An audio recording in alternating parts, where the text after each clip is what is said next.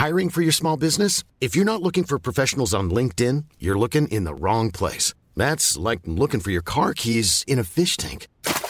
LinkedIn helps you hire professionals you can't find anywhere else, even those who aren't actively searching for a new job but might be open to the perfect role. In a given month, over 70% of LinkedIn users don't even visit other leading job sites. So start looking in the right place. With LinkedIn, you can hire professionals like a professional. Post your free job on linkedin.com slash people today.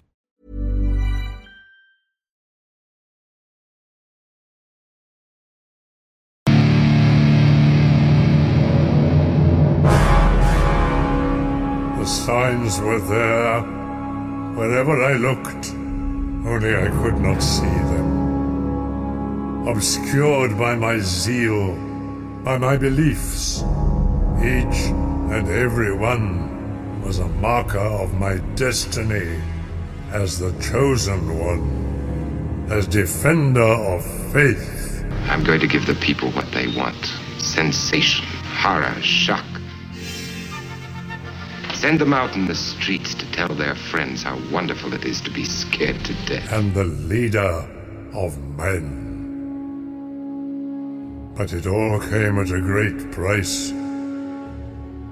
As all great kings, I became a great killer.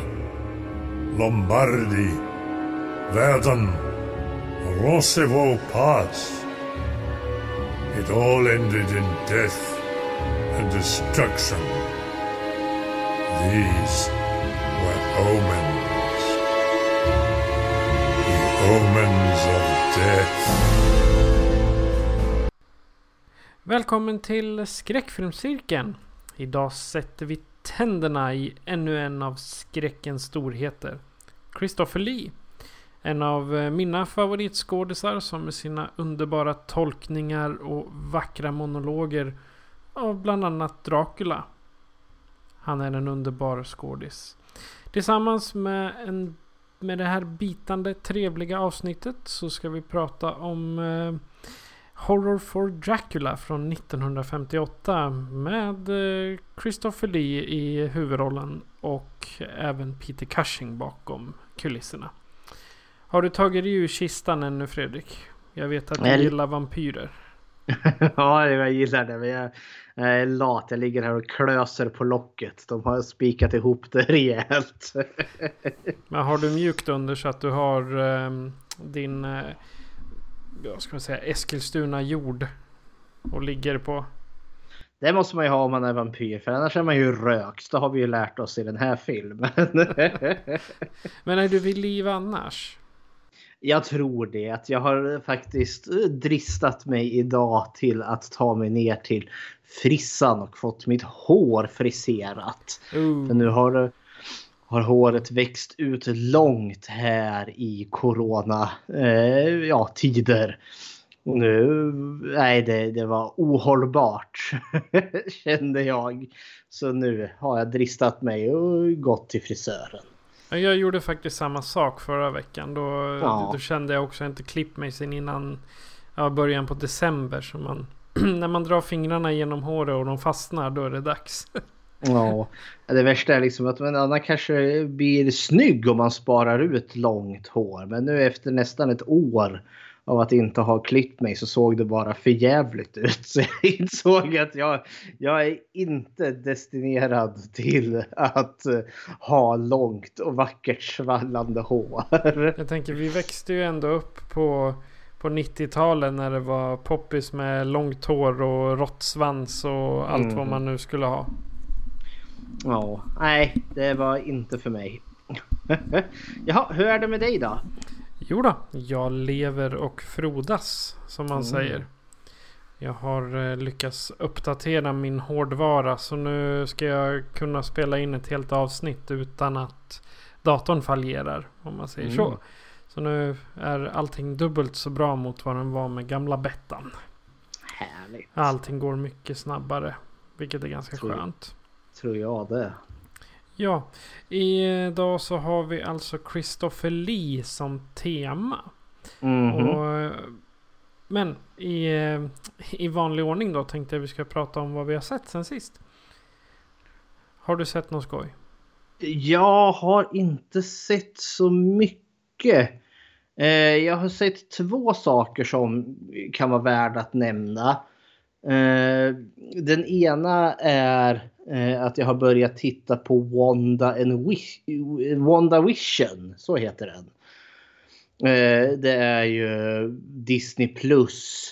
Eh, eh, alltså Marvel hjältarna, du vet Avengers och Iron Man och Thor och Hulken och Captain America, hela konkarongen.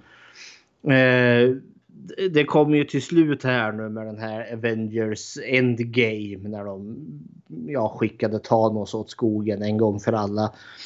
Eh, och eh, det var väl liksom nästa plan var väl här liksom att de skulle ju göra tv-serier.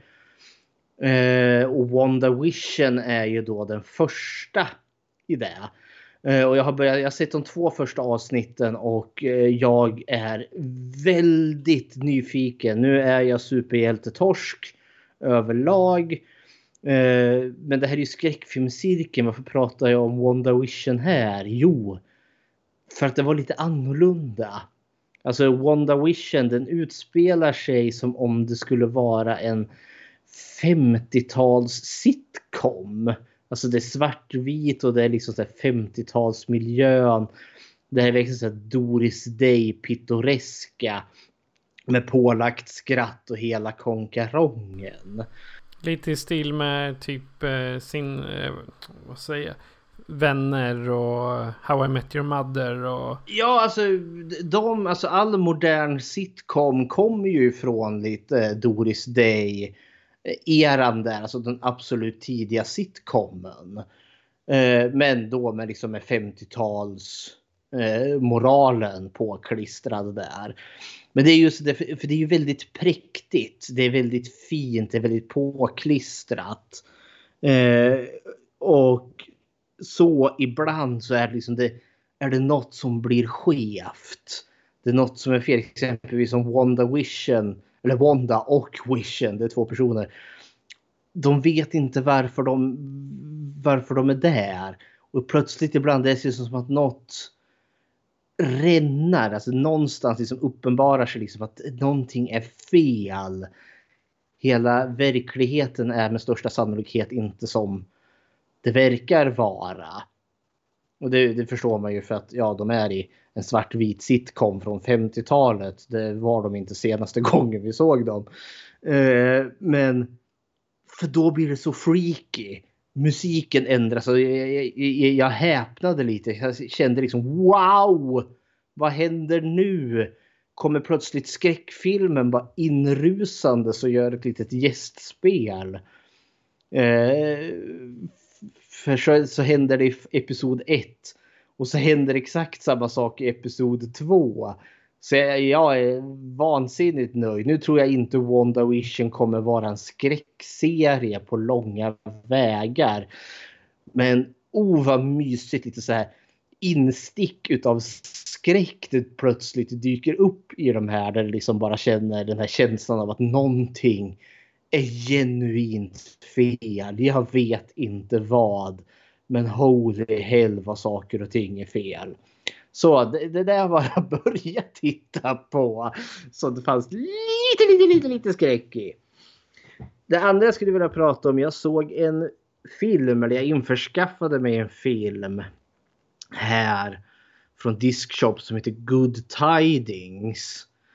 Mm, eh, som då är en eh, engelsk slasherfilm från typ 2018, 17 där vill jag säga. Nu är jag ju lite slasher-torsk så jag gillar ju sådana filmer överlag. Eh, premissen här är att det är ett härberge för hemlösa eller snarare en grupp hemlösa som har tagit över en gammal nedlagd eh, ja, polisstation tror jag det var. Eh, och liksom ska bo där över vintern och ta hand om varandra. Och så en olycklig dag så kommer det tre eh, förrymda mentalpatienter klädda i varsin jultomtedräkt eh, med mask beväpnade till tänderna med diverse olika huggvapen och sen börjar de, eh, ja de barrikaderar sig så att de, så att de hemlösa inte kan komma ut. Och sen bara beger de sig ut på en ja, killing spree där de ger sig efter de här hemlösa. Eh, anledningen till att jag ville ha sett den här, dels är det för att det är en slasher, eh, men framför allt just för att huvudpersonerna är hemlösa. Det är så sällan jag ser en film där just hemlösa är huvudpersonen utan det brukar vara bikaraktärer. Så jag, jag var nyfiken på hur man skulle porträttera det. Och så har jag hört både och från den här filmen att vissa säger att den är väldigt bra och andra säger liksom att det bara är skräp. Eh, jag hamnade någonstans att det var mitt emellan. För det fanns, den var mycket mer lågbudget än vad jag trodde att den skulle vara. Eh, men det fanns väldigt mycket i den som jag tyckte om. Eh, och samtidigt eh, lågbudgeten fick den också kännas väldigt amatörmässig och jag tror det var liksom ett ganska stort amatörprojekt det här. Och stundom var det liksom, fick de till det liksom jättebra och andra stunder känner jag oh vad jag önskar att man hade kunnat gjort det här lite annorlunda. För då hade det blivit en så mycket bättre film. Men jag tänker utifrån min standard som gillar såna här filmer. Eh, och har sett en sån jäkla uppsjö utav filmer så tyckte jag att det här var liksom ändå så en väldigt trivsamt amatörprojekt och så bra de nu kunde göra det utifrån de förutsättningar de hade. Eh, jag ger tummen upp till Good Tidings. Eh, men jag tänker, jag kan förstå de som ger tummen ner till den också. Eh, för jag tänker liksom att är du inte riktigt så här slasherfilm torsk och eh, konnässör utav eh, eh, rysliga filmer i, i eh, mängder. Ja, då är det här ingen film för dig. Men för entusiasten då tänker jag, ja då har ni eh, en hel kväll om ni vill se Good Tidings. Så ja, det är vad jag har sett som är värt att nämna. Nu har ju jag varit jättedålig på att titta på film. Däremot så gav jag mig in på um, SVT Play och kom underfund mm. med att just jäklar, de har ju en massa dokumentärer. För jag hade först sett någon uh, true crime dokumentär på Viaplay och sen Ja, nej jag, jag ville se mer. Och då så ramlade jag över uh, Ja bara själva kategorin dokumentärer på, på SVT Play och började bläddra. Och jag tittade, var all, allt ifrån knarkhandlare till eh, eh, nättroll till eh, ja, allt möjligt. Men en, eh, en eh, dokumentär som jag fastnade för var gjord av Ian Hislop. Han är, på, han är journalist på BBC. Så han, eh, han tog upp Ian Hislops Fake News, A True Story. Och då tog han upp eh, det här med att med fake news. När vi, när vi tänker fake news idag då tänker vi Trump.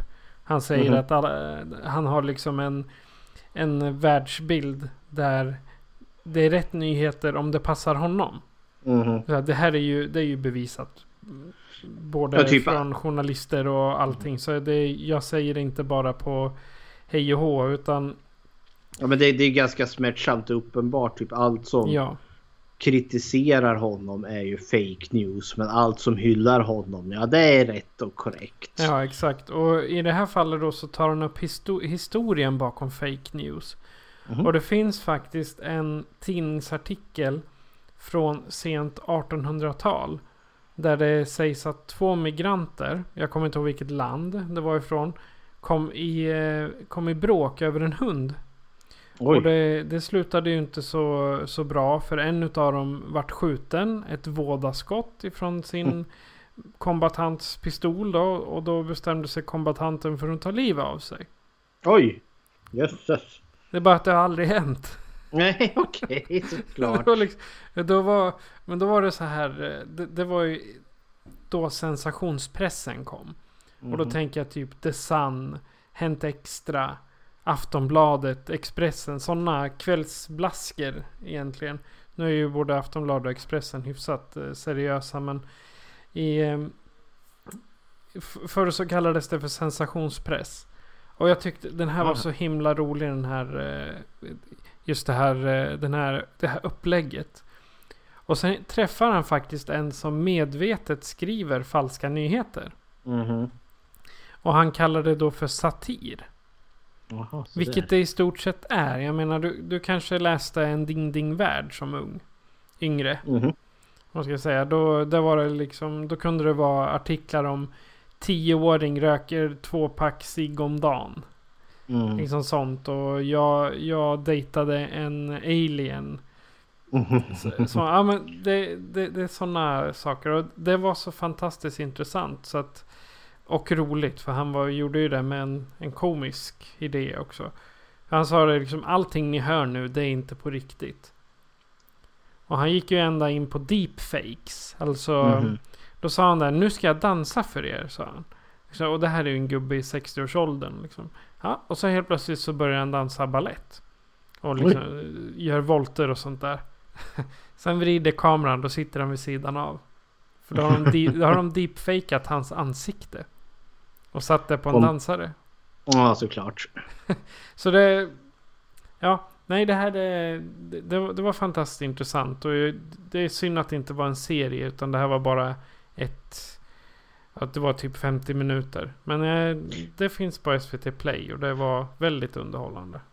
Och samtidigt, alltså det tycker jag är läskigt på riktigt. Alltså just hur, alltså falska nyheter. Eh, för vad liksom det kan leda till. Man tänker man har så här Ryssland och deras hackerattacker och kampanjer hit och kampanjer dit. Jag menar vad fan. Trump-supportrar och andra liksom högermilismän stormade Kapitolium Ja. förra veckan. Baserat utifrån Trumps lögner att han hade vunnit valet och att Biden bara hade stulit alltihopa. Alltså det är ju bara lögner och se vad lögner kan leda till. Så det är ju ganska obehagligt. Ja. Men samtidigt är det ju lovande att sådana här dokumentärer finns. För då tänker jag, då ifrågasätter man ju de här lögnerna. Ju mer man gör det, desto mer kritisk tänker jag folk blir. Om man liksom mer kritiskt, liksom om man, om, för jag menar om Trump får stå i oemotsagd. Ja då blir det ju bara en sanning av alltihopa. Och samtidigt har ju inte han stått oemotsagd. Han har ju kritiserats i mängder. Och samtidigt så hade vi de här ja, människorna som eh, rusade in i Kapitolium och viftade med sydstatsflaggor och hej vad det gick. De gjorde ju det på grund av just konspirationsteorier. De Ja, trodde att eh, de, demokraterna kokade barn och drack deras blod eller eh, ja. Är den där Eh. Qanon-historien. Ja, precis. Och han, eh, Ian, han träffar ju eh, den personen som vart drabbad av Pizzagate. Oj. Jag vet inte om du har hört talas om det, men det var Ja men det var väl, det- det, det var väl något liknande. Att det var, det sataniska pedofiler smugglade barn genom någon pizzeria och att det var Hillary Clinton som finansierade detta och allt vad det var. Ja, och de olika pizza, de olika pizzanamnen var liksom typer av barn eller... som- Jaha. Ja, precis. Det var, det var det. Kan du köpa en bla bla bla någonting? Ja, och då hade de tolkat det som att det var ett kodord för något. Och den här stackars pizzeriaägaren. Det kom ju in en där och skulle liksom ta sig ner i källaren under Pizzagate. Alltså den restaurangen, jag kommer inte ihåg vad den heter. Kommer någon snubbe och ska ta sig in där. Han är beväpnad till tänderna. Mhm. Och då säger han öppna källaren. Men vi har ingen källare. då, tar han, eh, då tar han ett gevär och skjuter sönder en dörr. Ja, Mhm. vad är bakom dörren? Ingen källare. Men däremot sköt han sönder deras dator. Det är liksom, Ja. men folk gör sig så löjliga. Men det, det är också faran för jag tänker, jag menar den där gubben som gick in i Pizzagate eller i pizzerian där för att hitta den här källaren som inte fanns. Tänk om han hade kommit dit för att skjuta pizzabagaren eftersom att han var övertygad om att den mannen, inte vet jag, smugglade barn till onda pedofiler. Det hade ju kunnat resultera till mord. Ja, Så jag menar, det, sånt här är ju livsfarligt egentligen. Alltså det här är ju skräck på riktigt. det är... Så, ja, nej, nu... Men konspirationsteorier det, det är skräck. Och jag vet jag har pratat om det tidigare. Att jag lyssnar på poddar om det. Och jag, jag finner det så... Det är intressant. Inte för att jag tror på dem utan för jag gillar fenomenet. Mhm. Och man önskar ju bara, eller jag önskar ju att det liksom kunde stanna där, att man kunde skratta åt att ja, men det här är tokskallar. Men som då just exemplet som du tog upp med mannen som gick in på pizzerian och sköt sönder deras dator. Eller ja, stormningen utav Kapitolium. Ja, det är ju livsfarligt i långa loppet. Exakt. Så ja, nej, vi, jag skulle kunna ta, snacka om det här i tre evigheter men nu är det ju inte konspirationsteorier vi ska prata om. Nej, vi ska prata om Christopher Lee. Jajamensan. Så att eh, vad sägs om att lära lyssnarna lite om Christopher Lee? Ja. Nu ska vi se här. Håller på att hälla upp en kopp kaffe här. Med vitlök så inte Med kommer. Ska vi ta lite generellt först liksom Christopher Lee. Eh, när, eh, alltså Christopher Lee för dig, när, vart, när kom du liksom i kontakt med han och hans verk för första gången? Eh, Är det någon spontan film som du kommer ihåg eller inte? Alltså när jag hörde Christopher Lee, hans namn första gången. Mhm, Då, då kom jag liksom att tänka på, ja men Dracula. mhm. För han har ju varit med i, i ett helt gäng Dracula-filmer. Jag, är det åtta stycken eller någonting? 8-9 eller något Ja. sånt där. Och sen då förstås, eh, eh, vad heter det, att han spelar Saruman. Mhm. Ja, och eh, han är väl med det är väl sex filmer han är med i där. Alla Hobbit-filmerna och Sagan om ringen. Ja, det är det. det. Det är typ där jag känner igen han ifrån. Just Dracula och Sagan om ringen. Annars Mm. eh, så hade jag inte någon koll på honom alls. Jag hade hört rösten några gånger. På nå, Mhm. säkert någon voiceover eller någonting men. Det var vad jag visste. Alltså han, jag själv alltså när, när det började liksom skräckfilmsintresset stort där som 13-14-årig. Då var det ju mest liksom, ja men fredagen den 13 och terrorn på Elm Street eh, liknande filmer. Christopher Lee var lite för, för gammal. Alltså filmerna där, jag, alltså vartefter jag fick internet så fladdrade ju han lite förbi då just som grev Dracula. Eh, men alltså det, det kändes lite för mossigt för mig då. Det var liksom för gammalt. Det var liksom skräck från en annan era från när, när våra föräldrar var unga. Och det, kände- det hade liksom inte samma umf som, eh, ja så som eh, fredagen eller terrorn hade. Eh, så för min del så hamnade Li lite i skymundan. Det kom faktiskt att ta hela vägen ända fram till just Sagan om ringen. Då han då introduceras återigen som då eh, ja, Saruman den vite, den elaka trollkaren där. Då liksom jag verkligen fick upp ögonen för honom och hans bullriga röst där. Och insåg att jag hade ju faktiskt sett honom i en hel del ändå. För han har gjort med i några så här, Tim Burton-filmer och han har varit liksom spelat skurk i jag vet inte hur många filmer. Så jag hade ju sett honom i en hel del utan att reflektera över det. Och det var inte förrän liksom kanske alltså, han liksom fick sin nytändning i karriären som Saruman där. Som jag började uppskatta de här filmerna och sen började jag ju lite så här hårdnörda Hammer horrorfilmerna och det är ju där han dyker upp. Eh, som Dracula bland annat. Och då, för då var jag ju lite äldre för då uppskattar jag dem så mycket mer och i dagsläget, jag tycker de här filmerna är störtsköna. Den här 14-åriga jag som inte tålde de här gamla filmerna har vuxit upp och uppskattar det mer. Jag liksom nu nu är det liksom ett signum av kvalitet om Christopher Lee råkar vara med. Även om filmen kanske är genuint skitdålig så är det bara bra för att det är Christopher Lee. Så ja, han har vuxit för mig från att vara något mossigt gammalt till att bli en form av stämpel utav kvalitet. Så, hepp.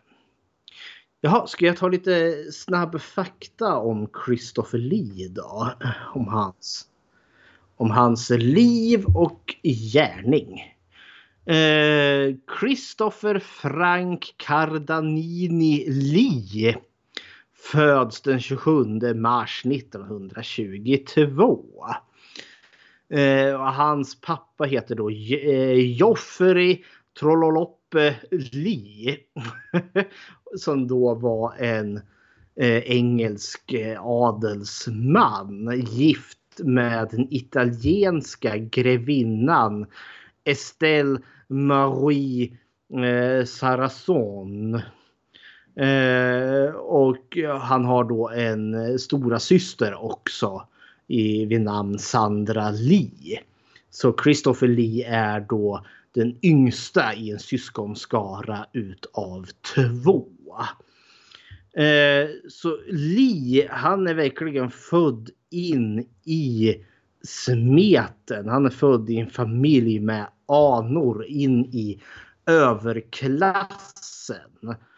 Eh, och eh, dels så är ju hans pappa, han Trolloloppeli, eh, är ju då dekorerad eh, militär.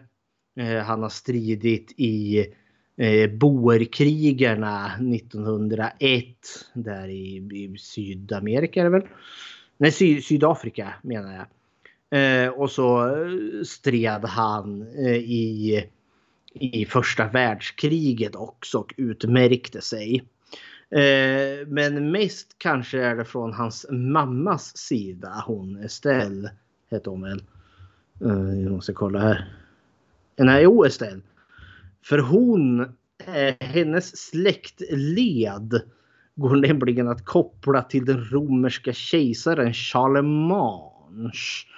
Som då var romersk kejsare över typ västra delen av det romerska riket på 800-talet om jag då kunde läsa mig rätt.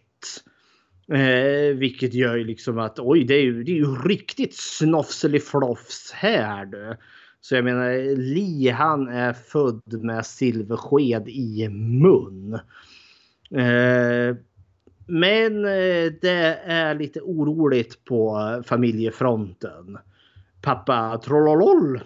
Trollolol, det, han heter inte Trollolol. Vad fan heter karln? Trolloloppeli, Joffrey där.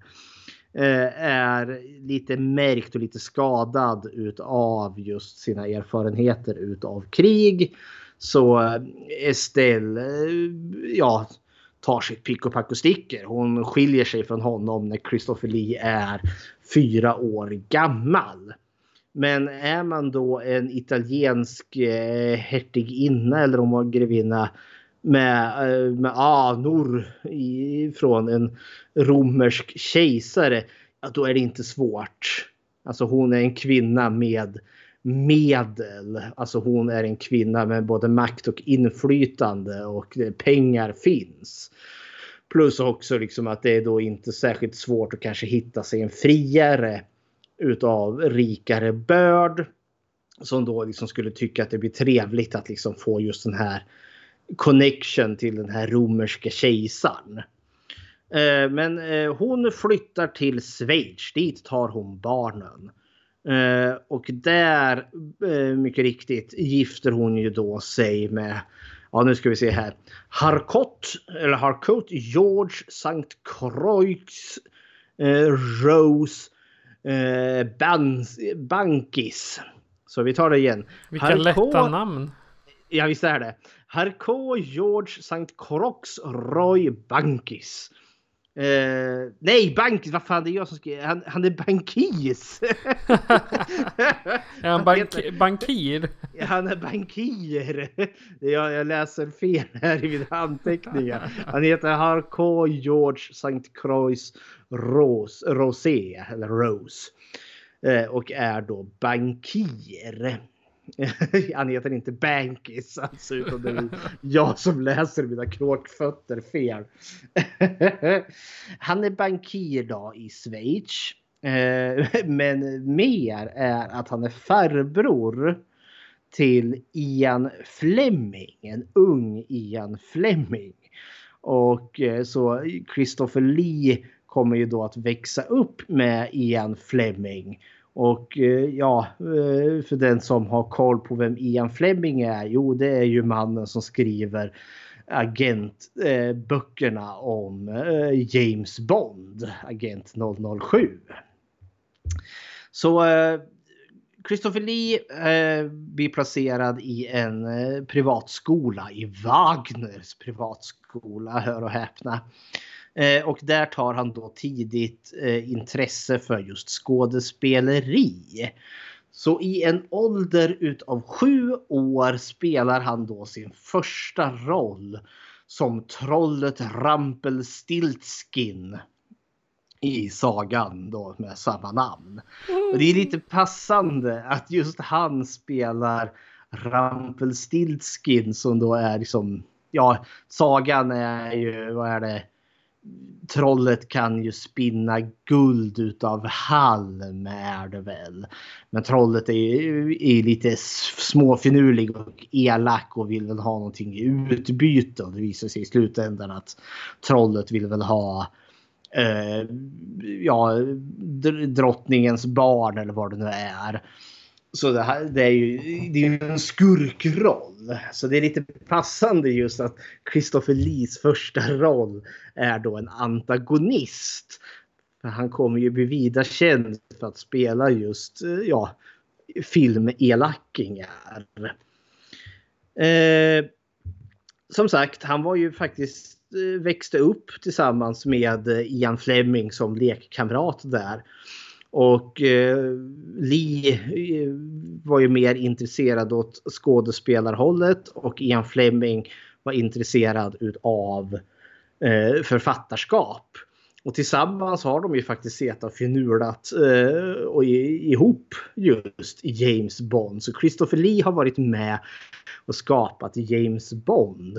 Och Ian Fleming har också sagt att när hans böcker då skulle börja filmatiseras så hade han föreställt sig just att Christopher Lee skulle spela eh, James Bond. Men nu vart det ju inte så. Eh, hans familj där då eh, umgås med lite udda figurer. Nu kommer återigen ett namn som jag kommer slakta här. Men prins Yusupov eh, och storhertigen Dmitri Palovski. Eh, det kanske inte säger dig särskilt mycket. Det eller låter känner... som två ondingar ärligt talat. det är ryska namn, ryska bad guys. Ja, ry ryska ja. hertigar som eh, ja, försöker ta över världen. Eller dricka eh, oskulders blod i sina stora hem. Liksom. Ja, nästan. Alltså de, det här är ju människor som polar med eh, tsaren i, i Ryssland där. Och mm. de här två, prinsen och storhertigen här, Eh, de är ju faktiskt med och mördar eh, Eh, den, eh, den eh, munken Rasputin. Och han kanske lite mer vida känd. Han som var tsarinnans livmedikus och andlige ledare där. Så de, de var med och mördade honom. Och Rasputin kom ju senare Christopher Lee att spela i, i, en, i en film sen. Så hepp hepp. Finns ett bra avsnitt av P3 Historia om Rasputin. Jo, Bara som ett tips. Mm -hmm. Eh, vartefter han blir äldre så eh, kommer han in då pr på privatskolan Wellington College. Och det är en sån riktig sån här eh, fin folkskola. Eh, här går inte kreti och pleti utan här är eh, eliten som går. Christopher Lee är ju fortfarande mer intresserad utav skådespeleri. och det har ingen riktig plats i Wellington College. Eh, så det går inte så bra för Lee här. Han är inget bra i skolan. Han är ganska dålig i matematik. Eh, och eh, Wellington har, har sitt rykte att tänka på för de fostrar de framtida ledarna för eh, världen och landet. Så att ha dåliga, alltså att prestera dåligt, det är inte okej okay här. Eh, för då blir man pryglad med en stor paddel. Alltså man får eh, smisk, stryk helt enkelt. För de har penalism där borta. Eh, han utmärkte väl sig, eller utmärkte, han hade okej okay fäktningskunskaper framgick det. För att fäktas det ska man ju göra för det, det gör adeln. Men han blir inte långvarig i den här skolan i Wellington College. För eh, ett år senare då går styrpappa Halko George St. Croix Royce. har jag döpt han nu till. Eh, Styrpappan kan han få heta. Styrpappan går i konkurs. Eh, ekonomisk konkurs där 1939. Eh, och då är då Christopher Lee 17 år gammal så han hoppar då helt sonika av skolan Wellington där. Nu var väl kanske inte det någon jättestörre sorg för Lee eftersom att skolan, eh, ja han trivdes inte så bra där. Men han börjar då som, eh, vad heter det, ett cykelbud så han, han cyklar runt eh, med, ja, med tidningar och eh, pergament och sådana saker. Men 39. Vad händer i Europa 1939? Månde tro. Krig. Det blir krig. Det ska du tro. Hitler förklarar ju blixtkrig och för in i Polen där och hej vad det går. Eh, så då kommer Christopher Lee att eh, gå med i armén. Eh, och han kommer ut på fält direkt faktiskt. Redan 39 är han i Finland och strider. Eh, sen tillbaka till England då. Eh, där han då kommer vara med i armén Eh, mellan 1940 till 46. Eh, och han går med då i The Royal Air Force Station. Eh, så han, ja, så han hamnar i flygvapnet. dock får han ett problem. Det visar sig att han har problem med djupsynen. Så han får inte flyga Eh, Eh, alltså stridsskepp eller stridsplan heter det. Så därför placeras han om till The Royal Air Force Intelligence. Eh, så han hamnar liksom på ja, även förmedla information, samla information. Och han blir stationerad i Nordafrika. Eh, och där kommer ju nazisterna senare liksom att plocka fästen där. Det är väl där han ja vad heter han nu? Eh, pansargeneralen. Paxton? Sa, Nej, det, det är han som... Uh, Patton menar du? Ja, Patton. Ja, han som ja, ja, men Patton var ju med där. Han, han besegrar ju den tyska eh, pansargeneralen med det där citatet. Eh, eh, och nu kommer jag inte ens ihåg vad det citatet är. ju med från den här fantastiska filmen med George C. Scott. Eh, I read your book! You glorious bastard. Nej, jag kommer inte ihåg. Sak samma. Han kommer också att strida lite där också när det blir eh, hettar till. Så alltså Christopher Lee är eh, i, i strid eh, flera gånger. Eh, och, men han klarar väl sig utan allt för mycket skador. Men han utmärker sig och han är duktig. Eh, så efter kriget eh, så eh, blir han spion eh, till Amerika, eller till England då. För tredje riket går ju åt skogen, nazisterna besegras. Eh, och många nazistiska högdjur flyr ju. Eh, man brukar tala om pojkarna i Brasilien där och sådana saker. Och man är ju där för, man har ju Nürnberg-rättegångarna och man letar ju efter de här eh, ja, krigsförbrytarna vartefter liksom förintelsen blir eh, vad heter det, uppenbar. Så det är ju det här, han går med i någonting som heter The Supreme Headquarters Alliance Exponentiary Force. Så det är ett samarbete eh, med liksom de allierade med att just hitta eh, och ställa eh, ja, nazister och fascister och eh, ja, det, ja, de allierades fiender inför rättvisa. Så där sitter han med. Ska jag eh, säga det där citatet som eh, vi var ute efter? Gör så. Ja, då säger han Rommel, you magnificent bastard. I read your book. Så är det. Och det fick vi namnet på den tyska pansargeneralen också. Rommel, you, magnif you magnificent bastard, read your book!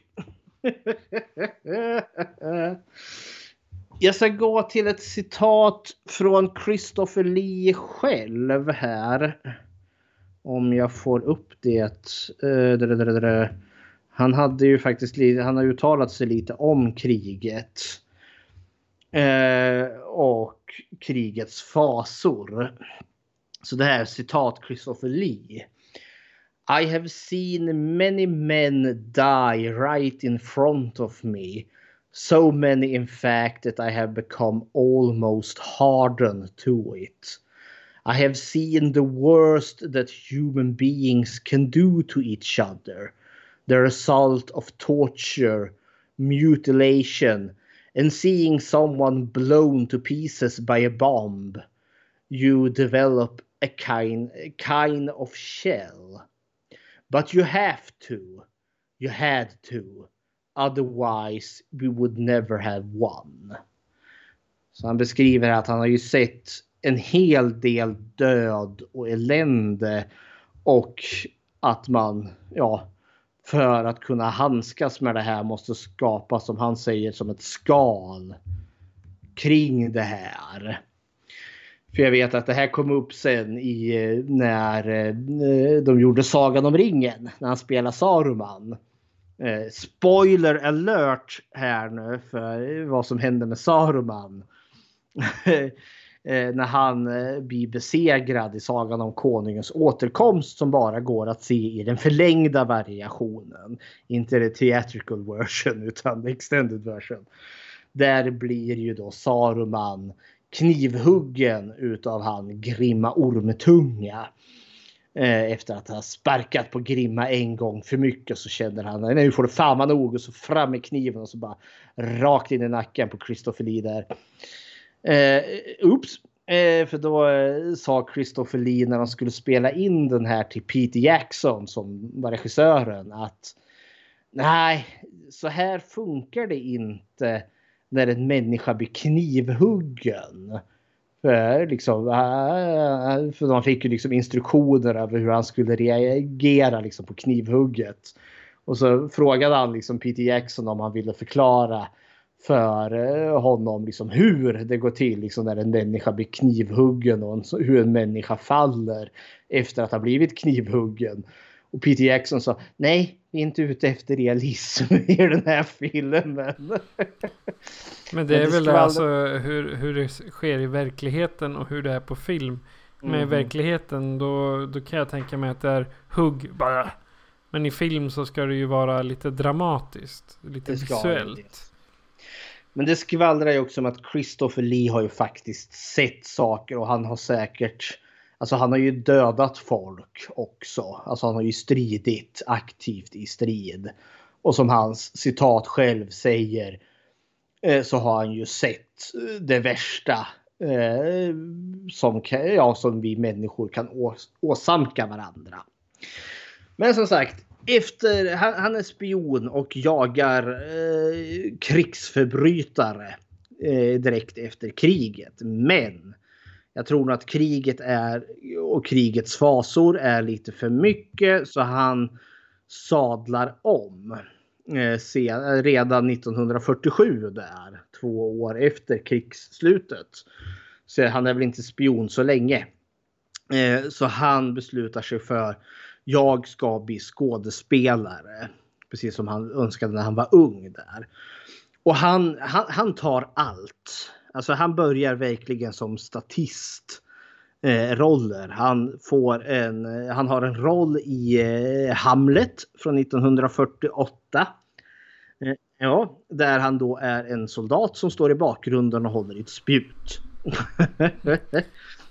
Någonstans han, ska man ju börja anser jag. Någonstans ska man börja och det är väldigt mycket så det är för honom. Han, eh, han, han, är liksom verkligen statistfigurer och han får gärna spela antingen poliser eller så får han liksom spela någon form av gangster. Någon liksom underhuggare till någon större gangsterboss där. För just att han är så jäkla lång, Christopher Lee. Han är ju liksom 1,89 karn. Eh, Men medan han far runt där och gör diverse olika statistroller och lite små roller här och lite små roller där. Då kommer han ju då att träffa Terence Young. Eh, filmproducent och regissör. Och Terence Young har en eh, dröm, en eh, mm, tanke. En, en, eh, han tänker göra någonting nytt. Terrence Young han växte upp med de här Universal horrorfilmerna. Du vet Dracula, Frankenstein, Mumien och The Wolfman och hela konkarongen.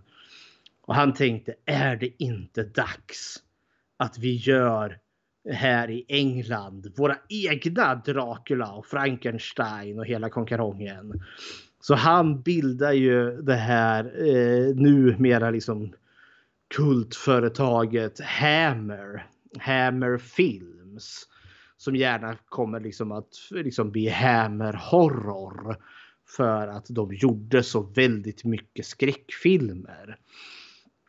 Och de, eh, Terence Young där vill ju starta, just göra de klassiska monsterfilmerna.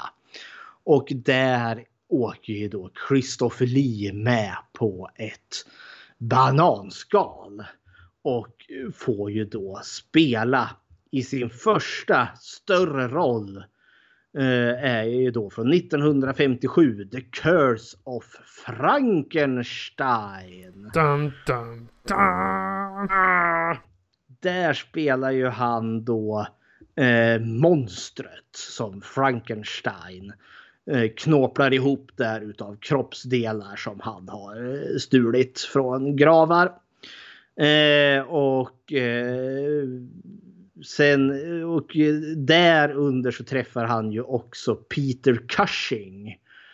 Eh, som då spelar Doktor Frankenstein här. Eh, och de kommer bli vänner. Alltså, och det är här det tar skrud för honom. Alltså, det är här han blir känd. Eh, och jag hittade då ett citat. För eh, Peter eh, Christopher Lee har väl eh, alltså en hel del av Hammer-filmerna. Det är ganska cheesy. Handen på hjärtat, det är ganska cheesy. Och det var väl lite det som var tanken att det skulle vara ju det, det universalfilmerna inte riktigt kunde visa på 30-talet. Eh, det var ju liksom kanske lite mer sex. Och då snackar vi liksom inte nakna människor utan snarare att kvinnorna kanske har urringning så man kan se lite mer utav dekaltaget där. Och gud förbjude. Och framförallt man kunde få se blod och i färg. Hör och häp! Öppna. och det, det, var väl kanske lite mer seriöst i början och sen är det ju ganska trashy närmare slutet. För Hammer, eh, Hammer Films, deras storhetsera är då 1957 till, till 76. Och Christopher Lee kommer ju vara med i, ett, i en hel hög utav de här filmerna. Och har väl inte uttryckt att, allt, att det alltid var så jävla kul att vara med i de här filmerna. För att de var ganska trashy. Men Christopher Lee är en good sport. Uh, han vet när man bör hylla och när man inte bör hylla. Men jag har då ett citat uh, till, från Christopher Lee uh, om just Hammer. Nu ska vi se, jag ska förstora bilden så jag ser lite bättre. Det gick åt skogen. Så. I have always acknowledged my debt, uh, debt, min skuld eller tacksamhet. I always acknowledge my debt to Hammer. I have always said that I am very grateful to them. They gave me this great, great opportunity, made me a well-known face all over the world for which I am profoundly grateful. Så. Han är medveten och tacksam till Hammer Film som gjorde just att han vart ett erkänt ansikte och namn över liksom, ja men hela, hela världen.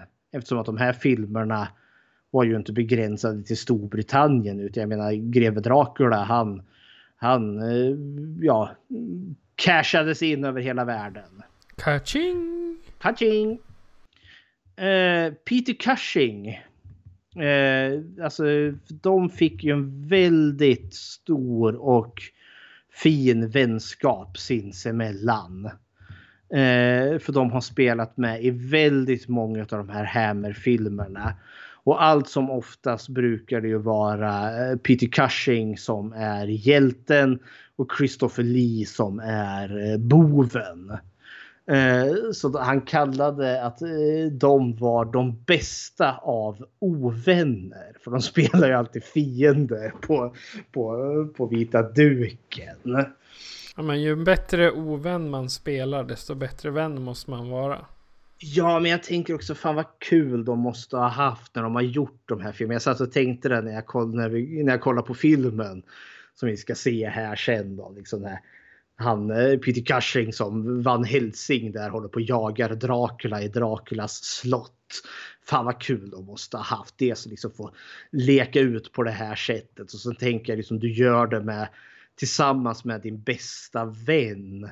Jag menar då, då blir det inte så jävla mycket dödtid liksom mellan eh, filminspelningarna. Så ja, det måste ha varit fantastiskt. Ja, det måste ha varit underbart kul. Mm. För jag hittade också ett citat här från Christopher Lee när, när Peter Cushing gick bort. För han dog ju eh, ganska... Peter Cushing dog väl någon gång på 90-talet vill jag tro. Han fick cancer och gick bort. Och det var ganska stor åldersskillnad mellan eh, Cushing och Lee. Nu ska vi se här. I don't want to sound gloomy. But at some point in your life you may have someone, one person who you love and care for very much. And when they are gone, when they are gone, there will be nothing like that in your life ever again. Så jag menar, han uttrycker ju verkligen att Cushing alltså, fyllde ett hål. Alltså fyllde ett, eh, eh, ett utrymme i hans liv som inte gick att ersätta med något. Jag tänker lite som när du vet Hasse och Tage. När, när, när Tage gick bort så tror jag liksom att Hasse uttryckte något liknande där. Att det hålrummet som Tage Danielsson lämnade efter. Liksom det, det gick inte att ersätta med något annat. Nej, det var liksom som att en bit av Hasse försvann. Ja, för de liksom, jag känner, ja men som sagt. Ibland har man den där, liksom, man har ju de där liksom, bästa vännerna, liksom de som bara ja, eh, bara fyller allt. Men eh, han, Christopher Lee har ju också polat lite med våran eh, farbror som har hängt med oss nästan sedan start. Han har ju också hängt med Vincent Price såklart. Och det finns en fantastisk film som jag tror heter The Old Dark House. Eh, nu är jag osäker.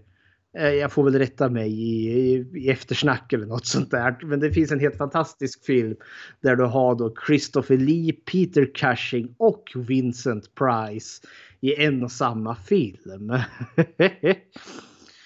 Så eh, en ganska sen sådan 80-tals sak. Ja, ja, sak samma.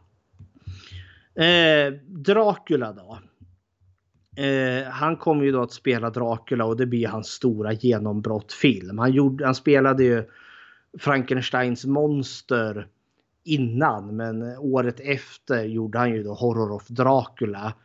Eh, och eh, det var ju med sådan framgång att han fick göra det eh, åtta gånger till för just eh, Hammer Films. Sen har han spelat Dracula två gånger till. Fast då för eh, två helt enskilda filmer som inte var, hade ihop det med med vad heter det med Hammer Films. Så han har väl då allt som allt spelat Dracula tio gånger. Eh, men det är inte allt han har gjort. Han har även spelat Sherlock Holmes Nej, det passar han inte som. Ja, säg inte det. Kan inte se honom som där lite briljant farbror där som röker pipa och spelar fiol och löser brott. Nej, faktiskt inte. Nu, han har ju gjort det och det var väl relativt framgångsrikt. Men mm. fortfarande så är Christopher Lee onding. Ah, jo, förvisso. Men han har spelat Sherlock Holmes eh, fem gånger då. Första Garanterat gången... bättre än Robert Downey Jr i alla fall. Ja, förvisso. Alltså Robert Downey Jr är inte så dålig. Ja, men gör en Sherlock Holmes som kan karate och Taj Mahal och fan allt nu heter. Ja, jo förvisso. Det är lite mer action Sherlock Holmes. Min favorit har väl varit Benedict Cumberbatch än så länge. Ja, han är bäst. Ja, han spelade Sherlock Holmes för första gången 59 i The Hounds of Baskerville. Och sista gången spelade han Sherlock Holmes eh, 92 i The, Le The Leading Lady. Eh, det, Christopher Lee och kärlekslivet eh, låter väntas lite sig på sig. Eh, han har ju som sagt under kriget där så vart det inte mycket av den varan. Eh, nu har jag liksom inte fått någon bild om han var liksom en sån slarvpelle som var ute och liksom hade en tjej i varje hamn. Men jag, jag, jag, hittar inte riktigt den bilden av honom utan han verkar vara liksom väldigt mycket mer trogen till en dam i sitt liv. Och den första då var då Henriette von Rosen som han träffade på 50-talet i Stockholm. Minsann. Eh, på en nattklubb där då så fattade de tycke för varandra. Men Henriette von Rosen kommer då från också alltså en familj med släktanor. Och hennes pappa satte sig på tvären. Eh, eftersom att Christopher Lee i sin tur kom från en annat släktled där då som hade kopplingar till han kejsaren Charlemagne. Eh, och det gick inte för sig. Nej, nej, nej. Eh, synd och skam här. Så eh, men eh, så vad heter det, Christopher Lee fick till och med ta hjälp av ingen mindre än kungen av Sverige. Alltså tennis, tenniskungen blir det väl på den här tiden. Eh, för att liksom medla mellan eh, ja, pappa där, Henriettas pappa där för att liksom förmildra och det, det, går väl liksom någorlunda fram men tyvärr. Det, nej, det är för bökigt, det är för stökigt och de båda kommer fram till att nej, det blir bara släktfejd. Så de, de, de, de släpper relationen för fridens skull. Så det känns ju sorgligt. Ja, det är tråkigt. Men, ja, men sen nästan ett decennium senare eh, Eh, så gifter han sig med eh, Birgit eh, Kronke. Eller Kronke. Kvinna som från Danmark. Nu har han säkert träffat henne sedan tidigare. Och det blir då hans fru. Och med henne så får han då dottern Kristina Erika Cardinini Li. Och de förblir gifta hela sitt liv. Och jag hittade inga tråkigheter om utomäktenskapliga förhållanden. Jag hittade inga tristheter om att det var bråk och stök, att någon var full och kastade saker på varandra. Utan istället så eh, blir man ju bara glad. Alltså det, det verkar som att det här var ett äktenskap som funkade. Och han var en kärleksfull far och allt det där. Eh, och hon var en kärleksfull fru och dottern trivdes och allt vart underbart och jättebra. Och så är det väl ja, men vanligt gnabb som med alla relationer tänker jag. Så det här, sånt gör mig glad. Eh, han eh, som sagt, eh, efter Dracula där så är ju han, eh, alltså skurken Lee är ju verkligen, han är typecastad som elakingen. Han spelar någon ond adelsman i The Skull från 1969. Han spelar någon knäpp eh, okultist eh, i, eller trollkarl som ska offra jungfrus i filmen Hercules från 1961. Han spelar någon sataniker i Poor Devil från 73. Han är återigen en satanist i The Devil's Rides Out från 68. Uh, eh, han spelar en, ja idag kanske lite så här mm, rasistiskt komplicerad stereotyp som uh, den onda uh, asiatiska drogherren Fu Manchu från 65 där han liksom har, vad, vad blir det, yellow face på sig. Det ja, doesn't fly riktigt idag. Eh, och så spelar han eh, en av bovarna i De tre musketörerna från 73. Eh, men eh, alltså det här är bara ett axplock. Han har spelat jättemånga bad guys. Och en av de som kanske har utmärkt sig lite mer än alla andra det är ju då The Wicker Man från 1973. Har du sett The Wicker Man?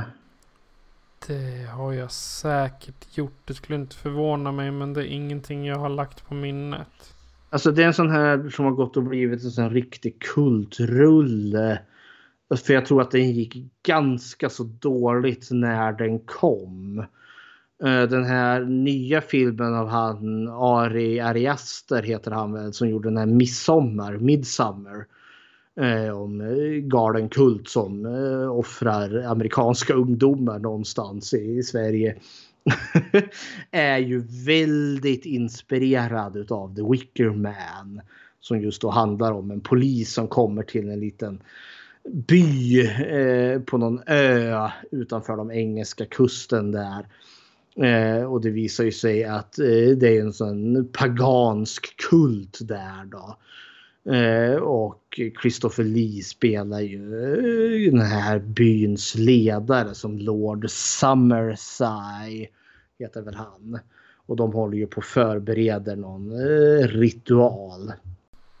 Men är det inte så att de gjorde en remake 2006 på den med Nicolas Cage? Ja, en bedrövlig remake som har väl gått och blivit känd utav helt fel anledningar där just vi har Chris, nej, Nicolas Cage som står och skriker no, no, not the bees, not the bees. Den är väldigt dåligt digitalt reducerade eller animerade bin hans ansikte.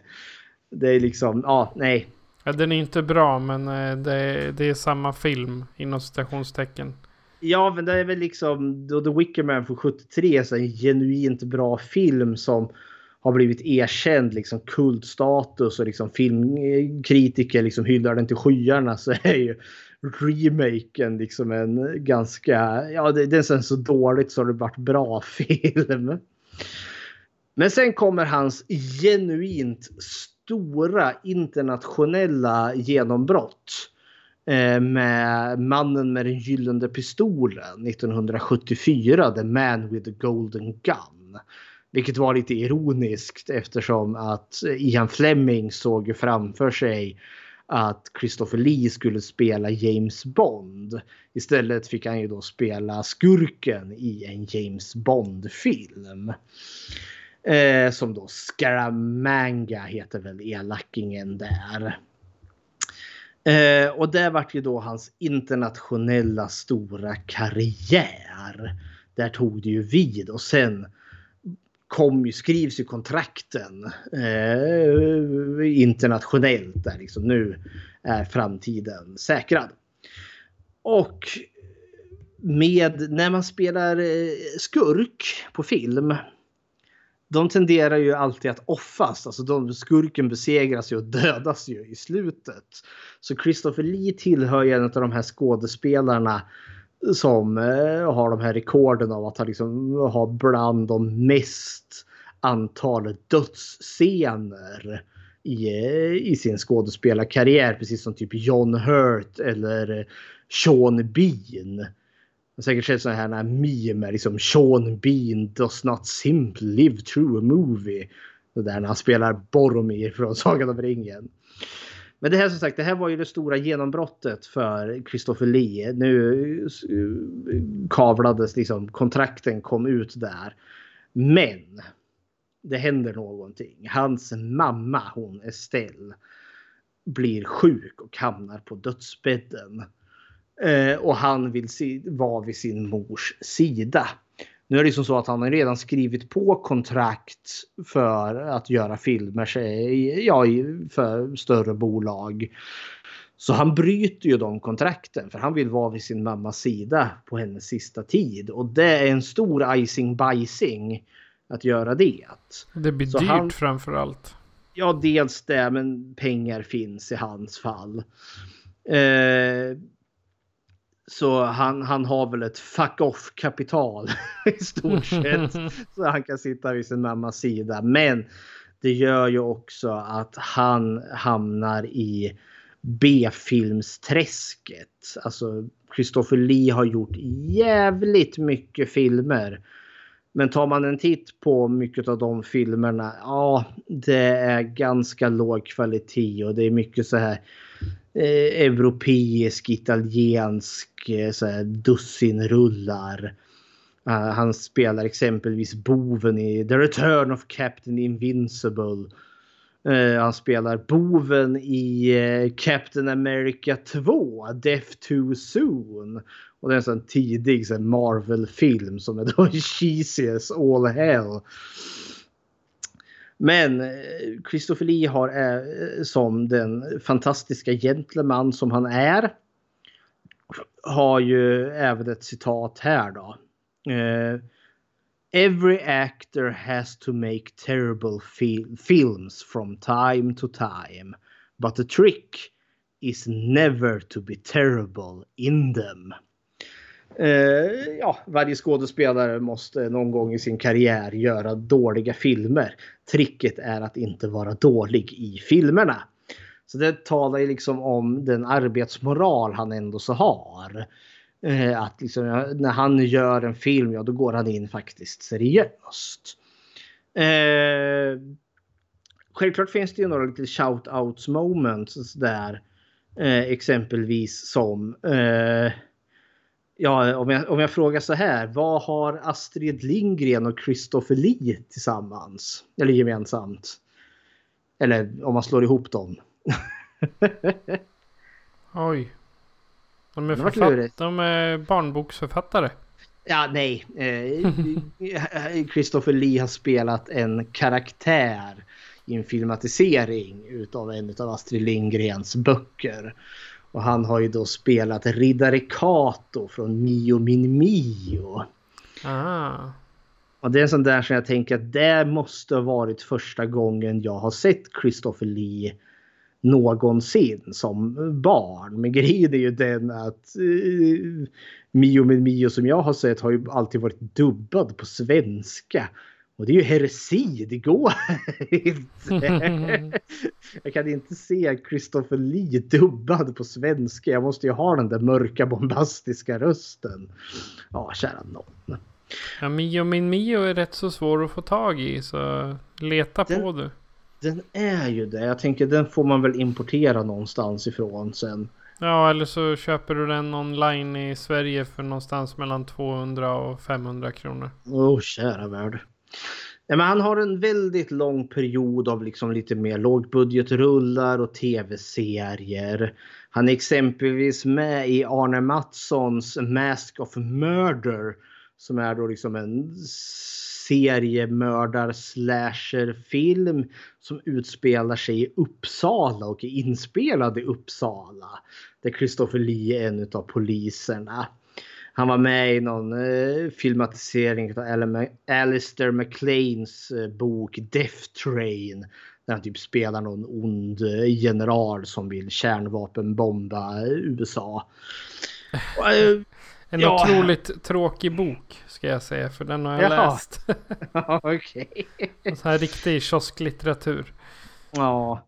ja men det, det är mycket sånt han får göra. Men sen kommer den 98 enligt han själv den bästa film eller bästa roll han har gjort. Och den är väl också kanske den i särklass svåraste av alla hans filmer att få tag i. 1998 då blir han kontaktad att spela i en biografisk film som heter då Jinha. Eh, och Jinha är ju då en, eh, en historisk figur. Eh, och det är ju då grundaren till det moderna Palestina. Alltså grundaren till landet, staten Palestina. Som han då spelar då just grundaren. Och han sa att det här var liksom den bästa film han någonsin har gjort.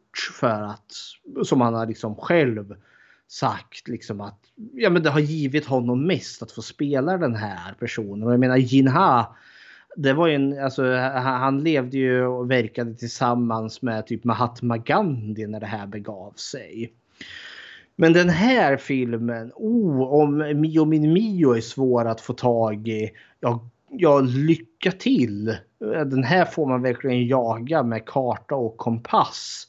Om man ska få tag i. För den här är tyvärr Alltså det finns starka politiska krafter som är emot att den här filmen dels att den skulle spelas in och när den skulle visas fick den heller liksom var också så svårt begränsad och när den skulle ges ut på DVD eh, så eh, begränsades det vansinnigt. Så det här, eh, kommer ni över den här på DVD eh, ja då får ni eh, antagligen hosta upp ganska mycket pengar för det. Jag vet att det har kommit en Blu-ray-utgåva utav Jinha för ja, kanske fem år sedan. Men det är samma där, liksom att den är out of print nu sedan länge. Eh, så Christopher Lee har väl uttryckt en viss sorg att det som han anser är hans bästa film är en film som du med största sannolikhet inte kommer att kunna se. För den är så jävla begränsad. Fast dock kommer internet sen så den här lär väl gå fullstreama någonstans tänker jag. Sen har han en, liksom en nytändning i karriären eh, på äldre dagar här. Eh, vad heter han? Ehm, Tim Burton gör ju Sleepy Hollow Där Christopher Lee får en cameo-roll i början som en väldigt arg domare där som fräser åt stackars Ichabod Crane. Eh, och sen får Christopher Lee en roll i Charlie i And the Chocolate Factory. Där han spelar eh, Johnny Depps pappa där då. Eh, sen börjar ju serietidnings eh, superhjältarna där med Spindelmannen och Blade och de där tidiga. Och så skulle man ju då göra X-Men. Och skurken där då, Magneto. Det hade man då tänkt sig just, eh, vad heter det, Christopher Lee som i den rollen. Men istället gick ju då rollen till Sir Ian McKellen.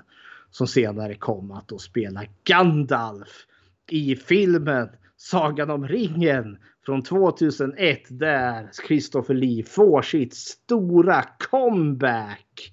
Från att ha varit i i, i B-filmsträsket och eh, ända sedan 74 så gör han sin stora comeback vid en ålder utav 78 år. Där han då spelar återigen en bad guy. Och året därefter spelar han då Count Dooku i Star Wars 2, The Attack of the Clones. Eh, och det här är ju enkommet på grund av att Christopher, nej, Peter Jackson som gjorde Lord of the Rings älskade Hammer horrorfilmerna och de här gamla Dracula-filmerna. Och George Lucas älskade Hammer horrorfilmerna och Dracula och de där. Eh, så de tyckte ju det var guld och gröna skogar om de kunde få med Christopher Lee. Så det är inte illa pinkat att vid en ålder utav 78 år göra en comeback. Sitt på den och rotera. Det är lyckat. Mm -hmm. 2009 blir han adlad. Då blir han Sir Christopher Lee där. Eh, och om man inte om tycker att det där måste ju vara höjden utav coolheten då. Eh, när han har gjort liksom sin lilla resa. Nej, eh, Christopher Lee han ville alltid arbeta. Eh, och han har gjort en hel del små roller Och han hivar in en hel hög med eh, priser han får liksom The Fellowship Award, han får The Orange British Academy Film Awards. Han vann aldrig någon Oscar och jag, jag tror inte att han knep någon, något pris från Cannes. Men han hovar verkligen in priser närmare slutet av sitt liv. Men det som jag tycker kanske är det coolaste är att han eh, slår, han blir kontaktad utav en hårdrocks band. Och eh, de slår sina påsar ihop så han ger ut ett hårdrocksalbum.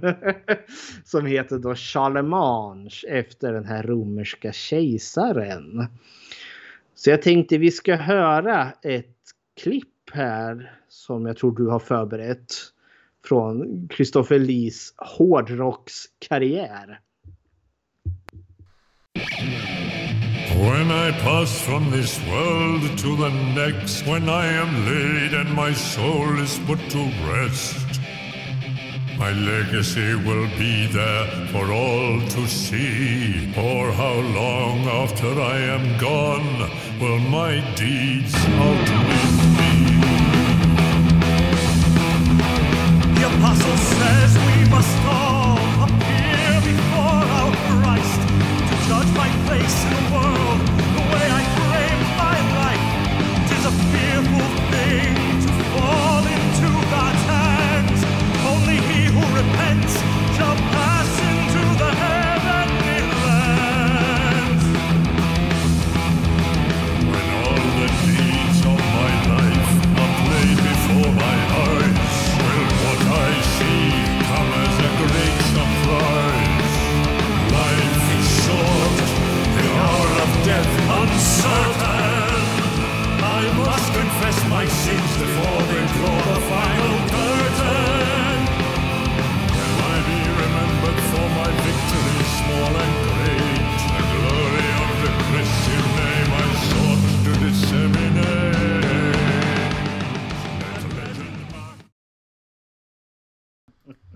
Där, han blir en rockgubbe där. Han blir en rockgubbe. Det finns eh, för den som önskar då att eh, leta lite på Youtube så hittar ni hela albumet om Charlemagne. Eh, han... Eh, 2011 gör Hammer Films en comeback. Då startar man den igen. Och i deras första producerade film The Resident. Vem är inte med där då? Jo, Christopher Lee dyker ju upp i en liten mindre cameo-roll där och det kändes ju passande. Så det blir 2011 gör han sin sista Hammer-film. Han arbetar ända fram till som med att han dör. För han går bort sommaren 2015 vid en ålder utav 92 år. Och då går han bort för att ja, han, han, han är hjärtsjuk. Så han eh, blir sängliggandes och så dör han då. Ja, i, omgiven av sin fru och sin dotter. Så det han är en kar som har gjort jättemycket. Eh, jag, ska, jag hittade en liten eh, bild som då sammanfattar lite vad den här människan gjorde och jag ska läsa upp den. Vi kan lägga upp den på eh, Facebook-sidan sen också. Men då Sir Christopher Lee. He was Dracula. He was a Bond villain. He was Sherlock and Mycroft Holmes. He was deaf. He was Lucifer. He was Count Dooku. He was Saruman. He was Lord Summerisle. Eh, he, rec- eh, he recorded a heavy metal concept album about Charlemagne.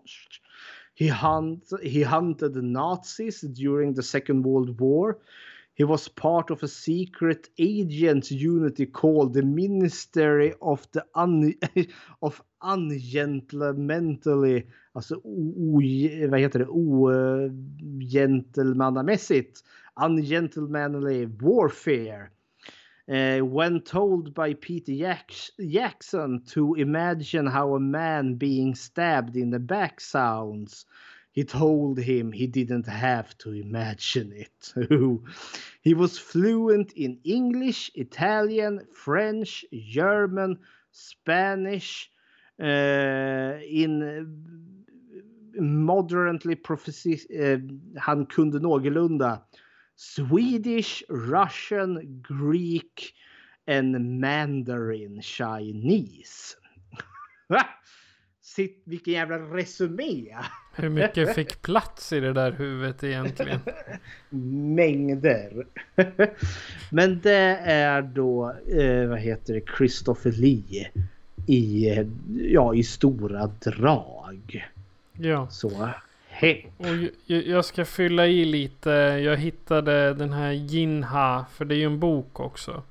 Ah, boken den eh, kan man få för runt 15 000 kronor. Uh! Men själva filmerna de eh, kostar någonstans runt 800. Se där. Och vet du vad jag kan avslöja för dig? Det är att jag har lyckats fått fatt i just Jinha. Jag hittade den i en second hand butik, hör och häpna. Dum, dum, så, dum. så jag har gett en hel hundring för Jinha. Jag tänker att oh. det är det bästa kap jag har gjort rent filmvägsmässigt. Ja, du har ju du har investerat pengarna i en skattefri besparing. Sen om 50 år när du börjar bli fattig då kan du sälja den för tiodubbla priset. Så typ 5000 då. Ja. ja, man vet aldrig. Men eh, vi kan ju o, eh, oberäkneligt gå över till eh, Horror of Dracula från 1958 då. Och här kommer en trailer. This is the story of Dracula, a creature who destroys all whom he touches. Dracula the terrifying, the feared, who sleeps in the tombs of the dead by day and arises at night to inflict his terror upon the innocent and the unsuspecting. You must help me. You must. You're my only hope. You must. I'll help you. I promise.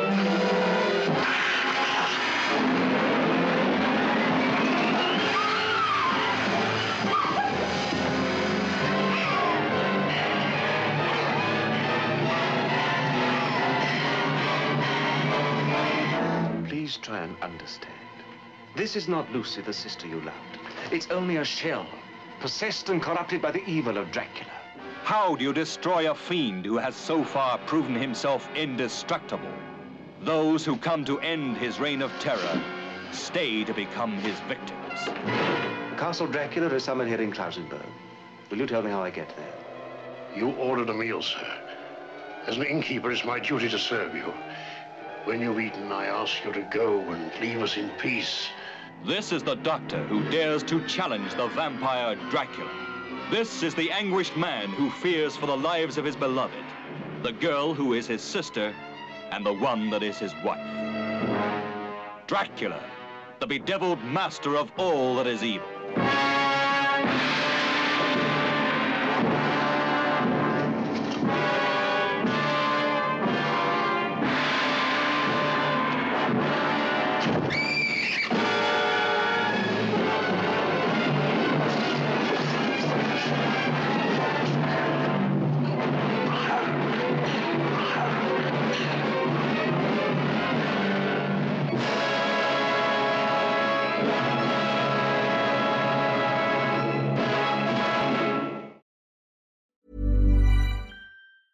When you're ready to pop the question, the last thing you want to do is second guess the ring. At Bluenile.com, you can design a one of a kind ring with the ease and convenience of shopping online. Choose your diamond and setting. When you find the one, you'll get it delivered right to your door.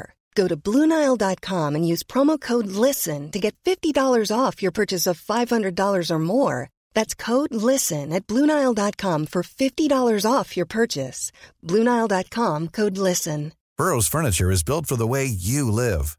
From ensuring easy assembly and disassembly to honoring highly requested new colors for their award-winning seating, they always have their customers in mind. Their modular seating is made out of durable materials to last and grow with you. And with Burrow, you always get fast, free shipping. Get up to 60% off during Burrow's Memorial Day sale at burrow.com slash ACAST. That's burrow.com slash ACAST. burrow.com slash ACAST.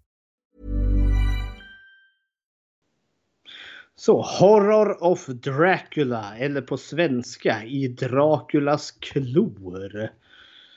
Christopher Lee och Peter Cushing, Englands mästare av skräck, gör i Draculas klor till en av de riktigt klassiska rysarna baserad på Bram Stokers vampyrberättelse. Dracula Lee. Den noble greven reser från Transylvanien till London.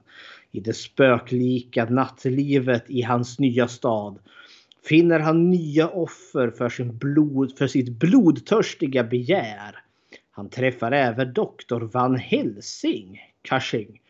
En vetenskapsman som blir grevens motståndare i en dödlig katt och råtta-lek. Fruktan och skräcken har kommit för att stanna.